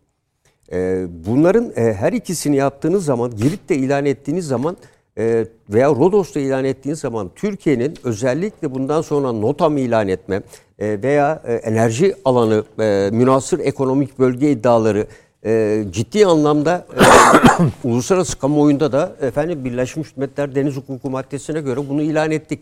Tekrar çok ciddi ve ağır bir tartışma konusu gelecektir. O yüzden Türkiye Akdeniz'de bir an önce e, buradaki münasır ekonomik bölge ve diğer konularda derhal ilana gitmelidir. E, Yunanistan'ın e, buradaki art niyetinin ben e, bu olduğunu düşünüyorum. Aslında bu plan DEDAŞ Amerikalıların üstlenmesiyle birlikte paralel olarak giden. E, bakın dün e, Bulgaristan'la Yunanistan karar aldılar biliyorsunuz. Boru hattının e, Trakya yerine Yunan, Bulgaristan ve Yunanistan üzerinden Ege'ye e, gitmesi konusunda. E, Dede Ağacı. Çok büyük bir merkez haline getiriyorlar. Ciddi sorunları olan iki ülke, Bulgaristan biliyorsunuz Ege'ye çıkmak istiyor yıllardır. İstanbul'u nasıl istiyorsa ve e, birçok sorunu olan e, iki ülke anlaştılar. Yani Türkiye'yi bypass ederek e, petrol hattını Romanya üzerinden gelen hattı e, doğrudan doğruya e, Ege Denizi ile bağlantısını kırmak, kurmak.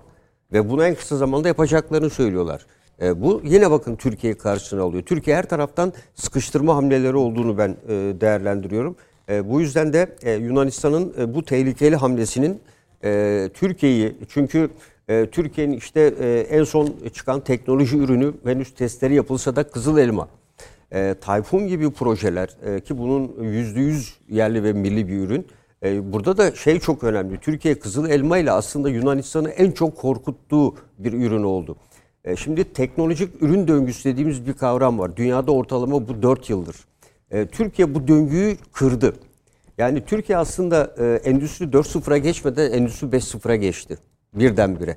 Bu aslında birikmiş bir altyapının evet bütün alanlarda geçilmemiş olabilir ama Kızıl Elma'nın bize ortaya koyduğu e, söylenilene göre elbette testlerle F-16'ların yerine kullanılabilir mi? Evet kullanılabilir. F-16'nın taşıdığı kadar yük taşıyabilir mi? Evet taşıyabilir. E, ilaveten ne var? Radarlara görünmezlik üzerinde çalışılıyor. Yani baktığınız zaman bugün F-35'lerin, Amerikalıların B-21 bombardıman uçaklarının o kadar ciddi sorunları Anadolu var ki. gemisinde kullanılma Tabii yani Anadolu uçak gemisi Trakya Onun arkasından da zaten gelecek. son herhalde Ee, teslim tabii. kabul Bu, işlemleri yapılıyor. Bir de radara görünmezliği kazandırdığınız zaman F-35'i e, katlayarak ortaya çıkacak bir ürün ve bütün dünyanın peşinde koşacağı bir e, uçak olacaktır bu. Yani o zaman e, pilotsuz uçakların yerine e, işte e, bu tür sistemler Yunanistan e, bu bilgileri aldıkça bundan ciddi korkuyor. Bir yandan İHA vardı bir yandan da şimdi görünmez uçaklar ortaya çıkıyor ki bunlar da insansız. Deniz kuvvetlerinin elinde de var. İnsansız denizaltılar var, insansız hücum botlar var. Ve Türkiye'nin her bir teknolojik hamlesiyle Yunanistan iyice köşeye sıkışıyor. Hatta o kadar ileri gitti ki Yunanistan Silahlı Kuvvetleri'yle Mitsotakis arasında ciddi bir fay hattı var. Birbirlerini dinliyorlar biliyorsun. Telekulak Ya skandalları evet, var. bu bugün yenisi daha doğrusu dün Evet, yenisi de çıktı. evet. Bu, Yani- onların bu bir dergileri var. Ee, ismine Diplomatiko muydu, Politiko muydu Evet. neydi? Politika. Evet. Üçe bölüm yani elinde anlaşıldığı kadarı kimse de dokunmuyor Süleyman Hocam dergiye. Yani belli ki bir dizin var elinde. Peyderpey bunları yayınlıyor. evet. Son çıkanlar bütün askeri komutanların dinlenmesi. Tabii şimdi temel problem Yani Mitsotakis'te istihbaratı bütün dinleme tutanaklarını Beş- sızdırıyor. tabii. Yani bu Çünkü şey işi Yunanistan değil. istihbaratının başkanını da dinlemişler. Evet. Burada temel mantık şu. Mitsotakis Yani çok özür Ee, dilerim. Yani evet. Atina'ya bir şey söyleniyor ama ne isteniyor onu Asker e, asker şu anki mevcut durum itibariyle Türkiye ile asla savaşa gitmeyelim, Türkiye tahrik etmeyelim diyor. Gerçeği yansıtıyor. Mitsotakis de tam anlamıyla Türkiye tahrik edici politikalar izliyor. Ve e, Yunan Silahlı Kuvvetleri'nin talep ettiği bütçeyi tahsis etmiyor. Uyduruk bir takım bütçeler ortaya koyuyor. Gerçek rakamdan uzak. Ve Mitsotakis bu bütçeler içinde arkaya Amerika ve Fransa'ya güvenerek tabiri caizse Türkiye'ye dayılanıyor. O yüzden Yunan Silahlı Kuvvetleri ki e, teknoloji uzmanları da televizyona çıktıklarında aynı şeyi söylüyorlar. Diyorlar ki asla ve asla şu anda Türkiye ile bizim baş etmemiz mümkün değil. Yakın bir gelecekte bunlara baktığınızda asla Türkiye dönüp de biz şöyle tabiri caizse dayılansak bile hadi sen işine git diyecek şekle geleceğiz biz diyorlar. Bu dinlenmenin temelinde de e, bu yatıyor. yani şöyle mi demek istiyorsunuz? Mitsotakis açıkçası darbeden korkuyor. Ha, o da önemli. Evet. Ben benim aklıma da şu geldi. Acı hani dediğiniz ya asker istemiyor, Evet. siyasetçi istiyor. Askeri bu yolla mı hani sizi biliyoruz diyerek Evet. ikna etmeye çalışıyor Siyasetin ama de önemli bir kısmı istemiyor. zaten. İstemiyor. işte Ee, demek muhalefet partilerini zaten dinliyoruz. Siz diyor ileri gidiyorsunuz diye eleştiriyorlar. Gazetecileri dinliyorlar. Her bir şey yani. Ama dediğim gibi Mitsotakis arkasına gidiyor. O yüzden e, Ege'yi sıcak hale getirmek için e, Yunanistan e, elinden gelen, Mitsotakis e, elinden gelen her türlü çabayı e, gösteriyor. E, ben dediğim gibi Rodos ve e, O zaman Girit- şu par- yani üç parça olarak bunu ben Evet. düşünmüştüm şu açıdan. Hani sıcaklaşma var anlamında. Öyle yapalım. Şimdi Yunanistan bir olmuş. Size geleceğim Avni Bey. Ee, paşam bu İran sınırındaki tatbikat, bu tatbikatta bu kadar üst düzey ziyaretler, üst düzey dedim. Genelkurmay Başkanı, Kara Kuvvetleri Komutanı, yani bütün kuvvet komutanlıkları oraya gidiyorlar ve ondan sonra da tatbikatın ardından da Azerbaycan Bakü yönetimi diyor ki e, bizim silahlı kuvvetlerimiz Türk modeline geçiyor. zaten Türk modelindeydiler. Öyleydi yani ben de eğitimlerimde de işte o zaman daha da garip. Yani ne demek yani? Bu Türk modeline geçiyor demek aynen Genelkurmay yapısıyla, Savunma Bakanlığı yapısıyla. E, evet e, biz esasında askeri konsept olarak ve sahada uygulaması olarak Türk Silahlı Kuvvetleri'ni model olarak almışlardı. Yani biz de gittik işte onların harp akademilerinde dersler verdik ve bu yönteme onları sevk ettik. Onların e, küçük birlik komutanlarını karar okulundan mezun ettik. Harp akademilerinde kurmay subaylarını yetiştirdik. E, ve şu anda da o e, karar mercileri dahil, Cumhurbaşkanlığı, Savunma Bakanlığı bağlantısı ve onun silahlı kuvvetleri olan bağlantısı dahil e, Türkiye gibi yapılanmaya. Mesela Türkiye'nin e, şu anda iş güvenlik harekatından elde ettiği en önemli tecrübe, ben de yıllardır söylüyordum. Türkiye'nin birlik sayısının yarıdan fazlası komando birliği olmalıdır. Bu kadar çok mekanize birliğe falan, mekanize birlik maliyetlidir. Özel kuvvet ve Türkiye komando birliğini daha erken tarihlerde geçmeliydi bence. Şu anda çok sayıda komando tugayımız var. Gerçek budur. Bundan sonra e, savaşlar böyle olacaktır. E, o yüzden baktığımızda Onun Azerbaycan'ın da... arkasında da yüksek teknoloji Evet, ordu evet. Yüksek teknoloji de zaten birlikte. Şimdi İran'la Azerbaycan arasındaki gerginliğin giderek arttığı ve tırmandığı bir süreçte yaşıyoruz. Ee, biliyorsunuz İran-Ermenistan ilişkilerini dikkate aldığımızda e, geçen gün sınırdan e, İran yanlısı birçok personelin geçerken yakalandığı e, konusunda e, ciddi e, bilgiler ve haberler yer aldı. Bu ilk değildi. Ee, İran'ın hiç daha e, kervan geçmez, kuş uçmaz bir bölgede konsolosluk açması. Sınırda ne oluyor bitiyor kontrol amaçlı. Yani e, bölgeyi gözetlemek maksatlı. E, her iki ülkenin e, güvensizliğinin giderek e, zirve yaptığı sürece gidiyoruz. E, İkincisi e, bence İran iç e, içinde çıkan bu kargaşadan e, ciddi bir şekilde Güney Azerbaycan ve dolayısıyla Azerbaycan'ı da ben e, şüpheli kategorisine ağırlıkla koyduğunu e, görüyorum. E, bunları İçindeki, içerideki Evet. gelişmelerle birlikte. Evet, e, onlarla birlikte değerlendirdiğimizde e, ve dikkat edin dün itibariyle e, Ermenistan Azerbaycan son dakika haberi çıktı. İlişkilerde tekrar Ermenistan'ın geri adım atmakta olduğunu görüyoruz. Ve dün e, bugün de Azerbaycan Dışişleri Bakanlığı açıklama yaptı. Ermenistan her türlü açı- şeyden e, uzak kaldı. Biliyorsunuz e, Fransa'ya giderken Ermenistan ne ortaya attı? Bizim görüşmede Macron da olacak dedi biliyorsunuz. Azerbaycan ne dedi? Hayır dedi kabul etmiyorum dedi. Gitmiyorum Kat- dedi. Biz katılmayız dedi. Evet E, ve e, şu andaki e, son dakika gelişmeleri de öyle. Yani bu olayın İran'da yapılan tatbikat ve benzeri olaylarla Ermenistan'ın e, hamlelerini birlikte değerlendirmek lazım. Yani İran'la Ermenistan eşgüdümlü e, burada hareket ediyorlar. E, ve Azerbaycan'ı Ermenistan'da ve İran'da bir köşeye sıkıştırmak gibi bir düşünce var. Dolayısıyla bu tatbikatta İran'a ve Ermenistan'a verilen e, bir cevaptır. E, Türk Silahlı Kuvvetleri'nin en üst e, seviyede temsil edilmesi de gayet yerindedir. Asla Azerbaycan yalnız değildir ve biz Azerbaycan'a yapılacak en ufacık bir saldırıyı bile e, mevcut anlaşmada zaten var. O olmasa da önemli değil. Türkiye'ye yapılan biz asla diyorlar ki NATO'nun 4. 5. maddesi gibi gidip bir yere başvurmaya ihtiyaç yok. Azerbaycan topraklarına düşen en ufak bir mermi e, Türkiye'de Kars'a Iğdır'a düşmüş anlamını taşır diyor Türk Silahlı Kuvvetleri ve Türkiye. E, bu mesaj da son derece önemliydi özellikle bu kritik süreçte. E, Azerbaycan dediğim gibi e, Karabağ Savaşı'ndan sonraki süreçte aslında e, Türkiye'nin e, iş güvenlik harekatında elde ettiği tecrübeye göre organizasyon yapısının Azerbaycan Silahlı Kuvvetleri içinde daha hızlı, daha esnek e, karar alınma sürecini hızlandıracak ve küçük birlik e, dediğimiz Tugay ve alt birliklerin daha ağırlıklı olacağı bir sisteme e, geçiyor. E, bu da Azerbaycan'ın coğrafyasını dikkate aldığımızda yerinde ve isabetli bir karar olacağını düşünüyorum. Teşekkür ederim. Abi Yunanistan artı iki şey konuşuyoruz yani. Yani şimdi birincisi iki ülkenin iki ülkenin siyasi kadroları ordularından korkar hale geldiler. Bunlardan bir tanesi Yunanistan, bir tanesi de İran. İran da kendi ordusundan darbe yapmaya hazır bunlar diye korkar hale, İlginç, hale evet. geldi. Ve iki ülkede de siyasi sistem tıkanıyor. Yunanistan'ın sebepleri farklı. İşte bu bütün bu telekulak şeyleri, dinleme tez şeyleri falan. e, Yani çok dikkat çekeceğim. Bir de sistematik böyle bütün devlet Evet. kadrosunun güvenlik ayakları asker başta olmak üzere Ama işte orada Yunanistan İstihbarat Teşkilatı e, tamamını deş şey yaptı. Faş etti. Açıkladı. Bütün e, kimler dinleniyor? Dinlenen kişilerin konuşmalarında neler var? Dahil hepsi ortalığa döküldü. Mitsotakis istediği kadar benim hiçbir bilgim yok, dahlim yok falan diye yırtına dursun. Ama herkes, bütün basın Mitsotakis'in emriyle bu dinlemelerin yapıldığını biliyor. Öbür taraftan İran'da da sistem artık başörtüsü olmaktan çıktı, kavga.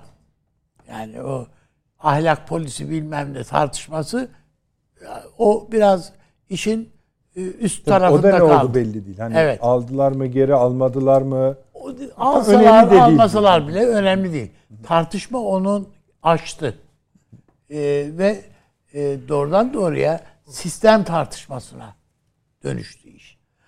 Ee, o bakımdan e, tamam o e, Azerbaycan meselesi onlar için tabii bir olmazsa olmaz yani bir hayati var, varlık yokluk meselesi olduğu için o şeyler e, Azerbaycan karşısında o duruşlar, o karakollar falan açılıyor, ediliyor falan.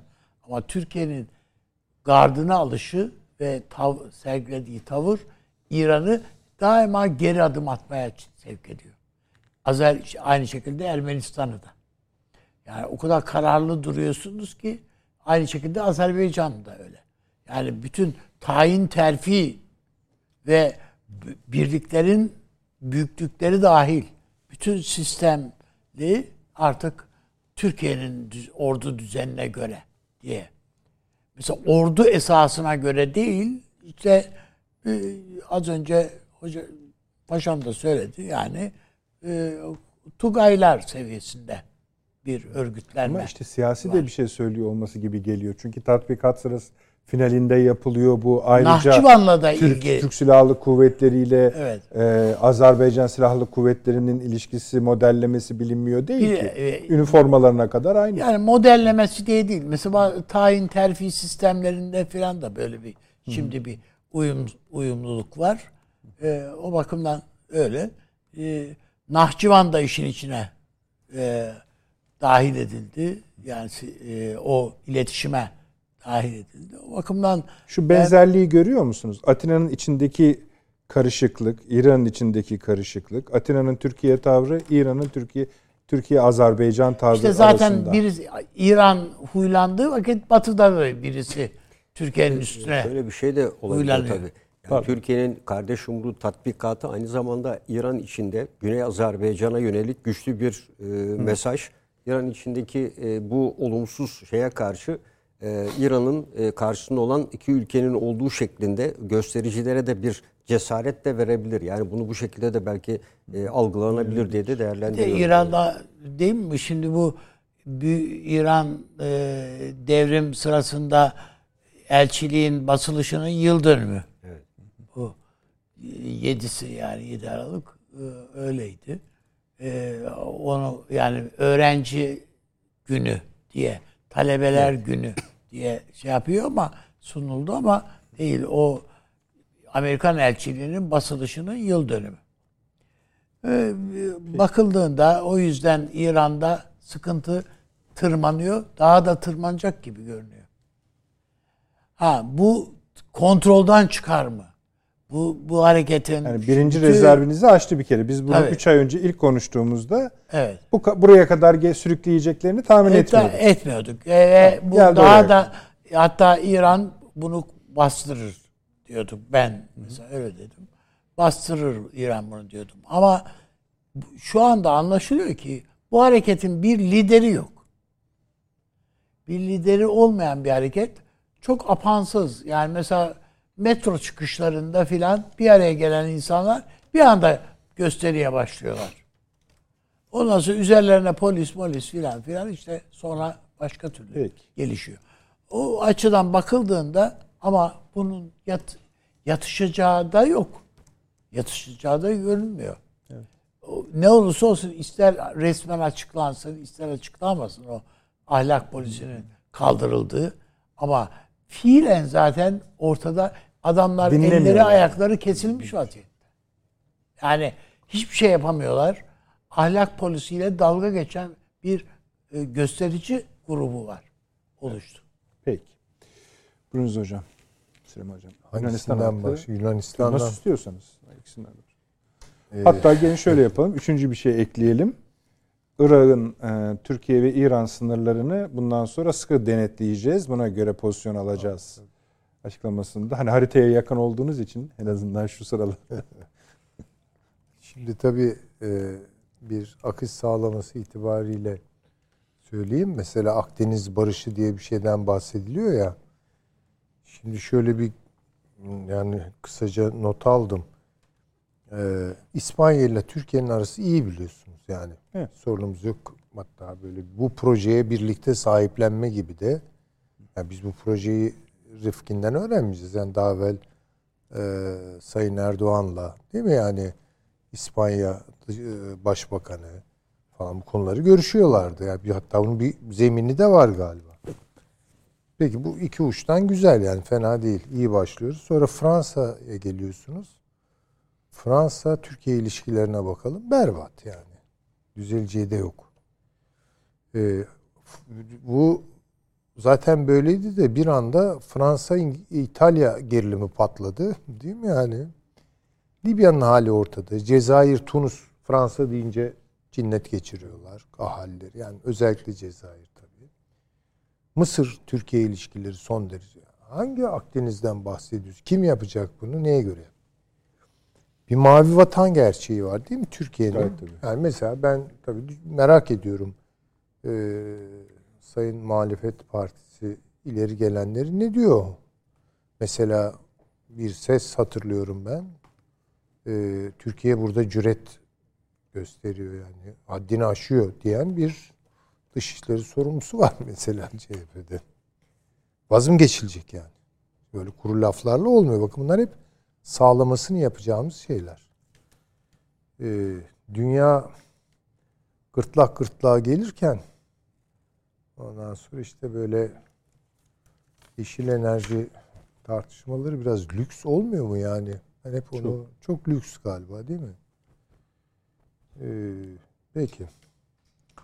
Şimdi bu Yunanistan meselesine gelecek olursak bunların elinde bir harita var. Sevil, Sevil haritası diye bir şey var ya. Bütün taşkınlıklarını bu haritaya dayanıyor, dayandırıyorlar. Ya bunu meşru görüyorlar ve bunun üzerinden hareket ediyorlar. Buna göre daima Türkiye sınırları aşan ve Yunanistan'ı sıkıştıran ya hiçbir şey yapması Türkiye o haritalamaya göre gemisini ne bileyim işte e, Kaş'tan çıkartıp e, diyelim ki balık taşımak için bilmem Fethiye'ye götürmeye kalksa e, Yunan e, topraklarını, hava sahasını, deniz sahasını delmiş gibi. Böyle bir muameleye tabi tutuluyor Türkiye. Ve bunda ısrarlılar. Yani evet Yunanistan'da artık şu tartışılıyor ya etimiz ne budumuz ne yani bu bu biraz bize pahalıya işte arkada bir tarihsel örnek var Küçük Asya felaketi var. Sonra bu adamlara güvenilmeyeceği ortada diyen herhalde aklı başında bir Yunan kamuoyunu hep aradık değil mi yani Tabii. burada? E demek ki var. Yani her toplumun makul bir e, kesimi vardır. Onların sesleri biraz çıkmaya başladı ama siyaset yapmaya yeter mi bu? Yunanistan siyasetlerini değiştirmeye Arkada bir de Amerika var Evet, yalnız. evet, evet. Tabii işte onu zaten söylüyorum. Yani Amerika o kartal Yunanistan'a pençelerini geçirdi. Yani işte Paşamın dediği gibi korkulacak bir şey acaba? Korkulacak bir şey tabii ki. Ama buna müzahir olan her şeyle birlikte. Yunanistan'a kartal pençelerini geçirdi de Mısır'a geçirmedi mi? Veya Akdeniz'de bir şeyleri inisiyatif alarak çözme iradesi ortaya koyan kim varsa başta Türkiye olmak üzere tabii ki. Onları da sonuçta o keskin gözleriyle daima takip ediyor mu, etmiyor mu? Şimdi e, bu hakikaten inşallah yanılıyorum ama tezimi tekrar etmek zorundayım. Her zaman olduğundan daha yakınız bu savaş ihtimaline. Evet. Her zaman olduğundan. Ve çok bunu esefle karşılıyorum. Üzülerek söylüyorum. Çünkü Yorgo da benim komşum ya. Ya niye ölsün adamlar yani? Adam ne bileyim e, Yunanistan'da bir kasabadan asker alınmış falan sürülüyor. Ölüyor yani şimdi bu ne nasıl annesine babasına neyi, neyi anlatacaksınız yani? yani? Tabii ki bizim Mehmet'imiz önce ama e, o da komşumuz ya. yani niye öldürelim birbirimizi yani? Hayır, yani Akıl var, Ukrayna'daki izah ama- numarayı bir daha yememenin de alemi yok tabii. Ha yok. Yok. Ülkeleri mahvoldu işte. Değil mi Ukraynalılar? Neyse ya bu böyle bir saatli bomba gibi. Neye ayarlı onu çok tabii kestiremiyorum. Ama ileri ve tahrikkar adımlar atılıyor. Şimdi ben ama bir şeyi de e, anlamakta zorlandığımı söylemeliyim. Türkiye bütün bu gidişatı biraz e, itidalle diyelim karşılıyor ama yer yer bu itidal çizgisinin bir pasifleşmeye, bir pasifizasyona doğru gidip gitmediğinden emin değilim. Konuşmalar çok sert bugünkü. Sert ama bu biraz sahada gözükmeye bağlı. Yani mavi vatan bizim vatanımızsa ki elbette öyle. Türk donanması orada gözükecek. Türk uçakları orada uçacak. Yani yoksa tarif ettik. Bizimdir. Tamam işte. Kimse girmesin oraya demek. Bakın Güneydoğu başımıza neler açtı. Ya bizim haritada sınırlarımız ama delik deşik olduğunu gördük. Orada bu mayın temizleme işinin başımıza neler açtığını gördük. Şimdi bakın mavi vatanı biraz sahipsiz mi bırakıyoruz? Bu, kadar cüret, bu kadar terbiyesizleşme yani tamam illa da bir çatışmayla sonuçlanması gerekmiyor ama çatışma riskini de azaltmak adına bırakın her şeyi. Yani Türk ordusunun Türk işte iftihar ediliyor ediyoruz değil mi? Yani silahlarımız işte teknoloji gelişiyor. Çok güzel. Ne için bunlar? O ka- kapasitesi yüksek araştırma gemilerini yaptık inşa ettik. Nerede onlar? Görmüyorum ben. Yani Ama, ama bunlar yapıyorlar Süleyman Hocam. nerede yapıyorlar? Silifke önlerinde yapıyorlar. Giriyor mu abi vatana ya bizim vatanımızı i- olarak ilan ettiğimiz yere. E Orada ben görmek isterim doğrusu. Bakın zaten çıktığı zaman Türk donanması, Türk e, ordusu herkes çil yavrusu gibi dağılıyor. Daha doğru. Eyvallah. Onu, onu E, konu yerden yani göğe haklısınız. Yani de olmadı mı 2019'da mı ya da Hayır, 2020'de mi sadece oldu? Denizde değil, karada da oldu yani. Hani, hani savaşa girme anlamında ya da çalışmaya girme anlamında da söylemiyorum. Tabii onu diyorum Hani canım. gövdesini gösterdiğinde Ha deniz hani bu karada zaten Türk ordusu yeteri kadar caydırıcıdır da denizde de caydırıcı olduğunu. Bakın hatırlayalım Fransız gemisi paldır küldür kaçtı gitti öyle mi paşam ben yanlış şey. Yok, yok. Yani ne tehditlerle geldiler. Rodos Dişimizi gösterince büyüdü. gitti.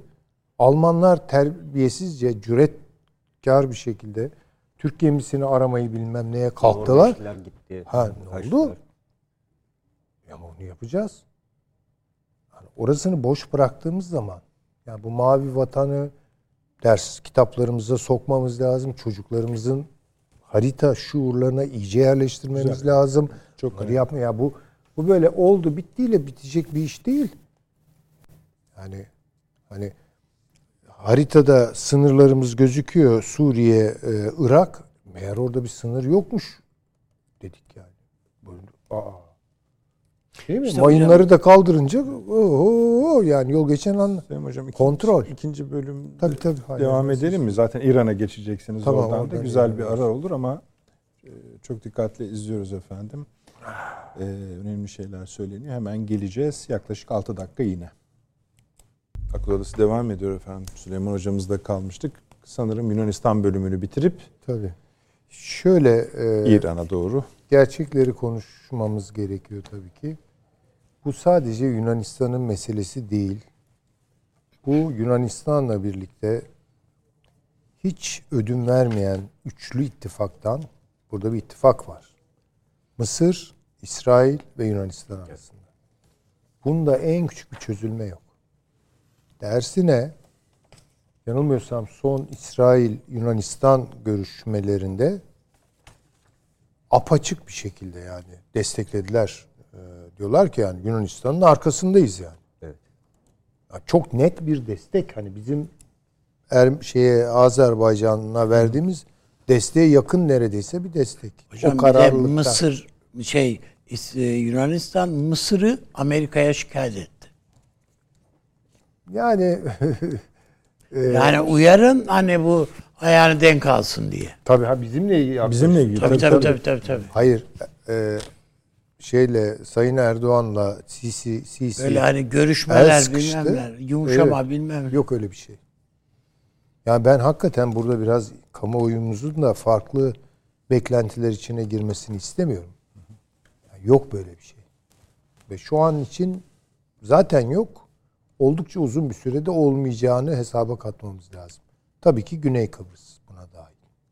Yani üç buçuk atıyoruz orada. Üç buçuk hakikaten böyle bir şeyimiz var. Durumumuz var. Arkada da tabii karanlıklar prensi ABD ve İngiltere. ABD ve çok da görünmemekle birlikte Güney Kıbrıs'ta dişini çıkarttı. Çıkardı. İngiltere var. Şimdi onun için e, yani böyle e, şey yapmamamız lazım. Hani bu Yunanistan'ı sadece bütün bunlardan soyutlayıp tek bir aktör olarak falan göremeyiz. Böyle bir bileşim var orada. Yani bu bileşimin altından kalkmak durumundayız. Bu neyle mümkün? Yani bu kimden destek verir? Azerbaycan bize destek verir. Belki Pakistan destek verir. Her neyse Türk dünyasından bulabiliriz. Ama orada kararlılığımızla ancak ayakta duracağız. Bütün bunları görüp geri durduğumuz an daha da cüret kazanırlar tabii ki. Daha beklenmedik şey. Çünkü şöyle bir şey var. Yani biz sorunları büyütmekse anlıyorum tabii Türkiye seçime gidiyor. Belki onun getirdiği bazı şeyler var. Yani, yani şu evimizin içindeki işi bir halledelim de ondan sonra diye diye bakılıyor belki de. Bilemiyorum. Ama bu sorun büyüyor. Daha da büyüyecek. Bunun daha anlaşılır düzeyde yani e, e, kamuoyunun her kesiminin anlayacağı düzeyde ifadelendirmesini yapmam gerekirse Türkler Küçük Asya'da istenmiyor noktasına getirir bizi. bu. Bunu herkes bilir Türkiye'de. Türklerin belki 1500 senedir daha bile belki fazla tanıştığı ve yerleştiği bu küçük kıtada, Asya, Anadolu hakimiyeti istenmiyor. Hele bunun üstüne tabii İstanbul'a hakim olması istenmiyor. Çok açık. Yani bu tabii nasıl olur? Vallahi işte çok dikkat etmek lazım. Endişelerim var. Söylemek zorundayım bunları. Bu mayın temizleme işi gittikçe benim daha fazla canım sıkıyor. Bakınız orada öyle bir kompozisyon oluştu ki bizim güneydoğumuzda yani Hatay, Antep, işte Urfa'ya doğru Türkiye Cumhuriyeti yurttaşından daha fazla bir nüfus yer yer değil mi? Kilis'te. Antep'te, Hatay'da zorluyor. Bir dakika ne oluyor ya? Nüfusun kompozisyonuyla mı oynuyorlar bunlar yani? E bakıyorsunuz yani İstanbul'da böyle şaşırtıcı bir şekilde özellikle emlak piyasası üzerinden müthiş bir şey var. Geliş var buraya. Yani bütün bunları görmemiz lazım. Bunun arka planında illa ben hani bu komplo teorileri kasıt masıt ama bir fırsat doğuruyor mu komplo olarak? Yani fesat olarak görebileceğimiz bir takım siyasetlere bunlar zemin oluşturuyor mu oluşturmuyor mu? Evet oluşturuyor. İran sınırındaki mayınları da kaldırdı. E, tabii geldi Afganlılar. Yarın kimlerin geleceğini bilmiyoruz gene oralarda. Aman çok dikkat etmek lazım. Yani Türkiye kendi göbek bağını kendi kesmek zorunda. Bu tabii her şeyi hiçe sayarak, gözünü karartarak değil. Ama göz karartmayla kararlılık arasında bir fark var. Yani onun için e, biraz endişeyle karşılıyorum bu işleri. İran meselesine geleceğiz. İran da olup bitenler tuhaf. Ben bunu şeye benzettim diyorum. Ya tabii İran'a şuradan geliyoruz. Hani Türkiye Azerbaycan tatbikatı ve modeli üzerinde. Tabii tabii ama şunu da unutmayalım. bu üç buçuk var ya buradaki üç buçuk. Bunun aynı zamanda Ermenistan bağlantısı var. yansımaları var. Yansımaları var. Yani Yunanistan diplomasisiyle Ermeni diplomasisi arasında şu ara böyle çok iyi gidiyor yani bir takım şeyler. Ve Paşinyan yeniden çark etti. Doğru e, Azerbaycan yetkililerin söylediği. Yani yeniden Fransa, yeniden Batı falan demeye başladı. Yani onun için hani böyle birbirinden farklı chapter'lar falan şeyler, bölümler değil bunlar. Şimdi e, İran için şunu söyleyebilirim. İran'ın artık bir migreni var. Biliyorsunuz bu bir kronik. Akut diyorsunuz. Ha, bu kronik yani. Bununla yaşamayı öğrenecek gibi bakabilirsiniz. Çünkü bu bu hareketlerden bir netice çıkıp yani bir devrimci dalga e bu çok güzel söyledi üstadımız. Hep bu devrimcilerin biliyorsunuz şiarıdır. Örgütlü olmak.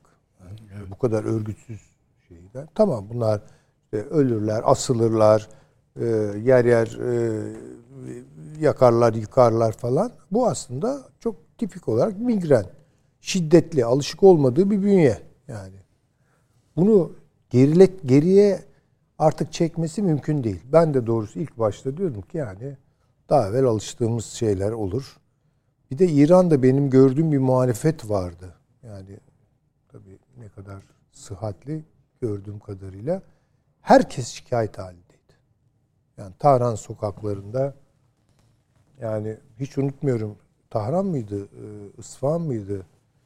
E, Bir meydanı sorduk tarif etmek itibariyle. Yani e, Meydanı Homeyni yani Hümeyni Meydanı sorduğumuz adam ne Meydanı Hümeyni dedi. Orası Meydanı Şah'tır dedi. Bu kadar yani artık yani şey Aleni. Şahı evet tabii. aleni. Yani orada ahlak polisleriyle kadınların itişmesi, kakışması hiçe sayıyorlardı. Yani var bir şey o ama böyle sorduğunuz zaman lanet olsun yani. Ne yapalım ki işte. Şimdi o dalga biraz daha bence ateşlendi İran'da ve bir böyle yerleşik bir şey haline geldi. Çok büyük bir coğrafya İran. Tabii büyük büyük. Ha yani şimdi bu bunun arkası bu tabii bir şeyin içine oturuyor bence bu, bu çıkartıldı. Bu İsrail'in hareketidir bence. Yani daha doğrusu tetiklendi. Ve Türk Fars, Türk e, şey e, Fars Kürt şeyine oturtuldu. Denklemine oturtuldu. E, bunun tabii ister istemez Kafkasya'yı etkileyecek tarafları var.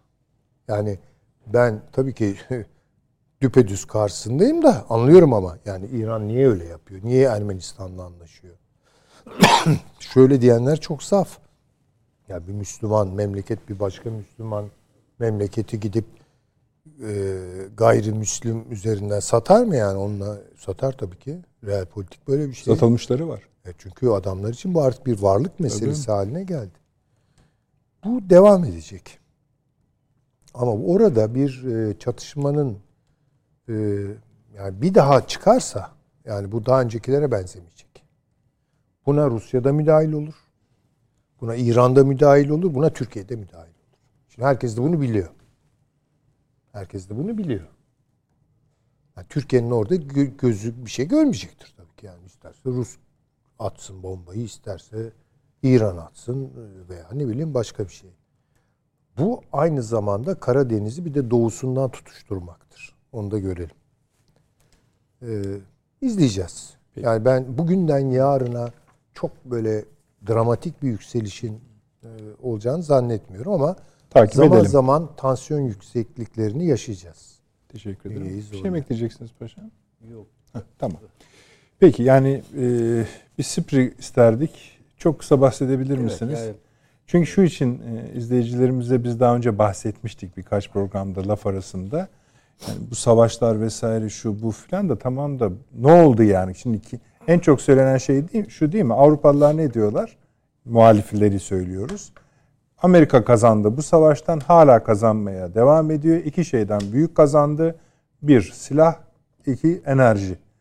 Silahta şimdi yeni rapor var değil mi elimizde? Yani e, Uluslararası Barış Araştırmaları Enstitüsü yani Stockholm merkezli kısa adı SIPRI diye geçen e, merkez. bilinir, evet. e, dünyada en çok e, küresel askeri harcamalarla ilgili e, veriler yayınlar. 2021 yılı raporunu kapsamlı Sonuncusu bu işte. yayınladı. Sonuncusu. E, toplam harcamalar e, yeni bir rekorla 2.1 trilyon dolara ulaştı. Yani geçen yıl 1900-2000 e, dolar civarındaydı. E, Ukrayna Savaşı'nın getirdiği hamleyle birlikte e, son 7 yıldır e, büyük bir e, hızla artıyor. Yani geçmiş verileri alıp e, bir e, şey yaptığınızda e, bir grafik haline getirdiğinizde bu artışı e, net bir şekilde görebiliyorsunuz. 2022 raporunda Ee, daha da göreceğiz Tabii gibi. net esasında 2014 yılında itibaren e, bu ivmenin giderek arttığını e, görebiliyoruz. İlginç olan da e, bugüne kadar e, ilk 5 ülke, Güvenlik Konseyi'nin ilk 5 ülkesi e, gene ilk 5 ülkeydi ama e, Fransa'nın yerini Hindistan'ın alması ilginç. İlk E, onda mı Evet. Hindistan? Efendim? Hindistan ilk onda mı? E, ilk ilk 5'te. İlk 5'te. E, Evet. Yani e, Çin'den hemen sonra geliyor. E, İngiltere, e, Rusya onun arkasından geliyor. Yani Güvenlik Konseyi'nin 5 ülkesi e, Hindistan'la Fransa yer değişmiş durumda. Ee, kaç firma verdiler toplam? 100 firma mı? 100 firma üzerinden 100 firmanın değerlendiriliyor. kaçı Amerikan? E, 100, fir, 100 firmanın e, yaklaşık %46'sı e, Amerikan. Zaten evet. Değil konuşuyoruz demişler değil mi? Evet. Hani barut bitti. E, Bir de bu 5 ülkenin yaptıkları toplam 2.1 trilyon dolardaki 2.1 kendi paylarına düşen e, toplamı %62'si. Bu 5 ülke. E, 2.1 trilyonu. ABD, Rusya, evet, evet, Hindistan, bunlar Çin, e, değil mi? yapıyor. Evet. Hindistan, Çin ilk kez kapsamlı bir şekilde yer alıyor. E, burada e, tabii e, Çin e, 27 yıldır bilindiği şekliyle artış gösteriyor. Çünkü 2045-50'de dünyanın en güçlü ordusu olma gibi bir hedef belirlemişti. E, 293 milyar dolarlık bir e, yatırım e, 2021 yılı için hedefi. Bu yıl daha da fazla. İran'da 4 yıl sonra ilk kez savunma bütçesini arttırmış. E, buradaki mevcut olan verilere göre. E, bunun dışında tabii e, Türkiye'de e, Aselsan e, yine ilk sıralarda e, ilk 50 içinde yer alıyor. 54 55. gibi sıralarda. E, Türkiye'den e, yine bir firmamız daha var. E, bu yüzden e, Türkiye'nin e, askeri harcamalarında aslında e, bir düşme gibi görülüyorsa da yerli ve milli teknolojiye göre e, ki SİPR'in değerlendirmesi de öyle ağırlık vermesi nedeniyle e, biraz Kendi içinde halletti. Evet, kendi içinde hallettiğini e, toplam dünya sıralamasında Türkiye 18. sırada yer alıyor. E, ancak Türkiye'nin tabii 2012-2021 e, yılları arasında genel baktığımızda ise %63'lük e, bir e, genel bir yükseklik var. Yani 5 yılın değerlendirmesinde. E, son 2021'de bir önceki yıla göre %4.4'lük bir düşüş. Paşam bu rakamlara Ukrayna Savaşı dahil mi değil mi? Değil. Yani değil. Ha. 2021 rakamları. Onu seneyi bekleyeceğiz. e, bu iki e, herhalde iki buçuk trilyon dolara falan ulaşabilir. Yani o tam o kadar olmasa da e, o civarlara Ben geleceğini ben, özellikle e, hani rakamın değerlendiriyorum. büyüyeceği kısımdan çok hani o bu firmaların bazılarının nasıl E, tabii. patlama yapıp yapmadığını yani, görmek e, istiyorum. Burada ilk 5'te Amerikan firmaları var zaten. Tamam. Yani 2 onda 1 Zaten trilyon doların. %48 dediğinizde Evet. do- ko- konu kapandı. yani. evet. Bu kadar ülkede. Aslında ona biraz daha bakacağız ama Tabii bir tabii detayları da varmış. e, şey yapılabilir. Yani bu irdelenebilir. Peki. Çok teşekkür Rica ediyorum. ederim. Sağ olun. Avni abi ağzınıza sağlık. Sağ, Sağ ol, olun. sağ Süleyman ol. hocam. Çok mersi paşam. Sizi yorduk. Eksik olmayınız. Ee, efendim salı akşamı 20.45 randevumuz. Pardon perşembe akşamı 20.45 randevumuz. Ee, iyi geceler diliyoruz. Görüşmek üzere.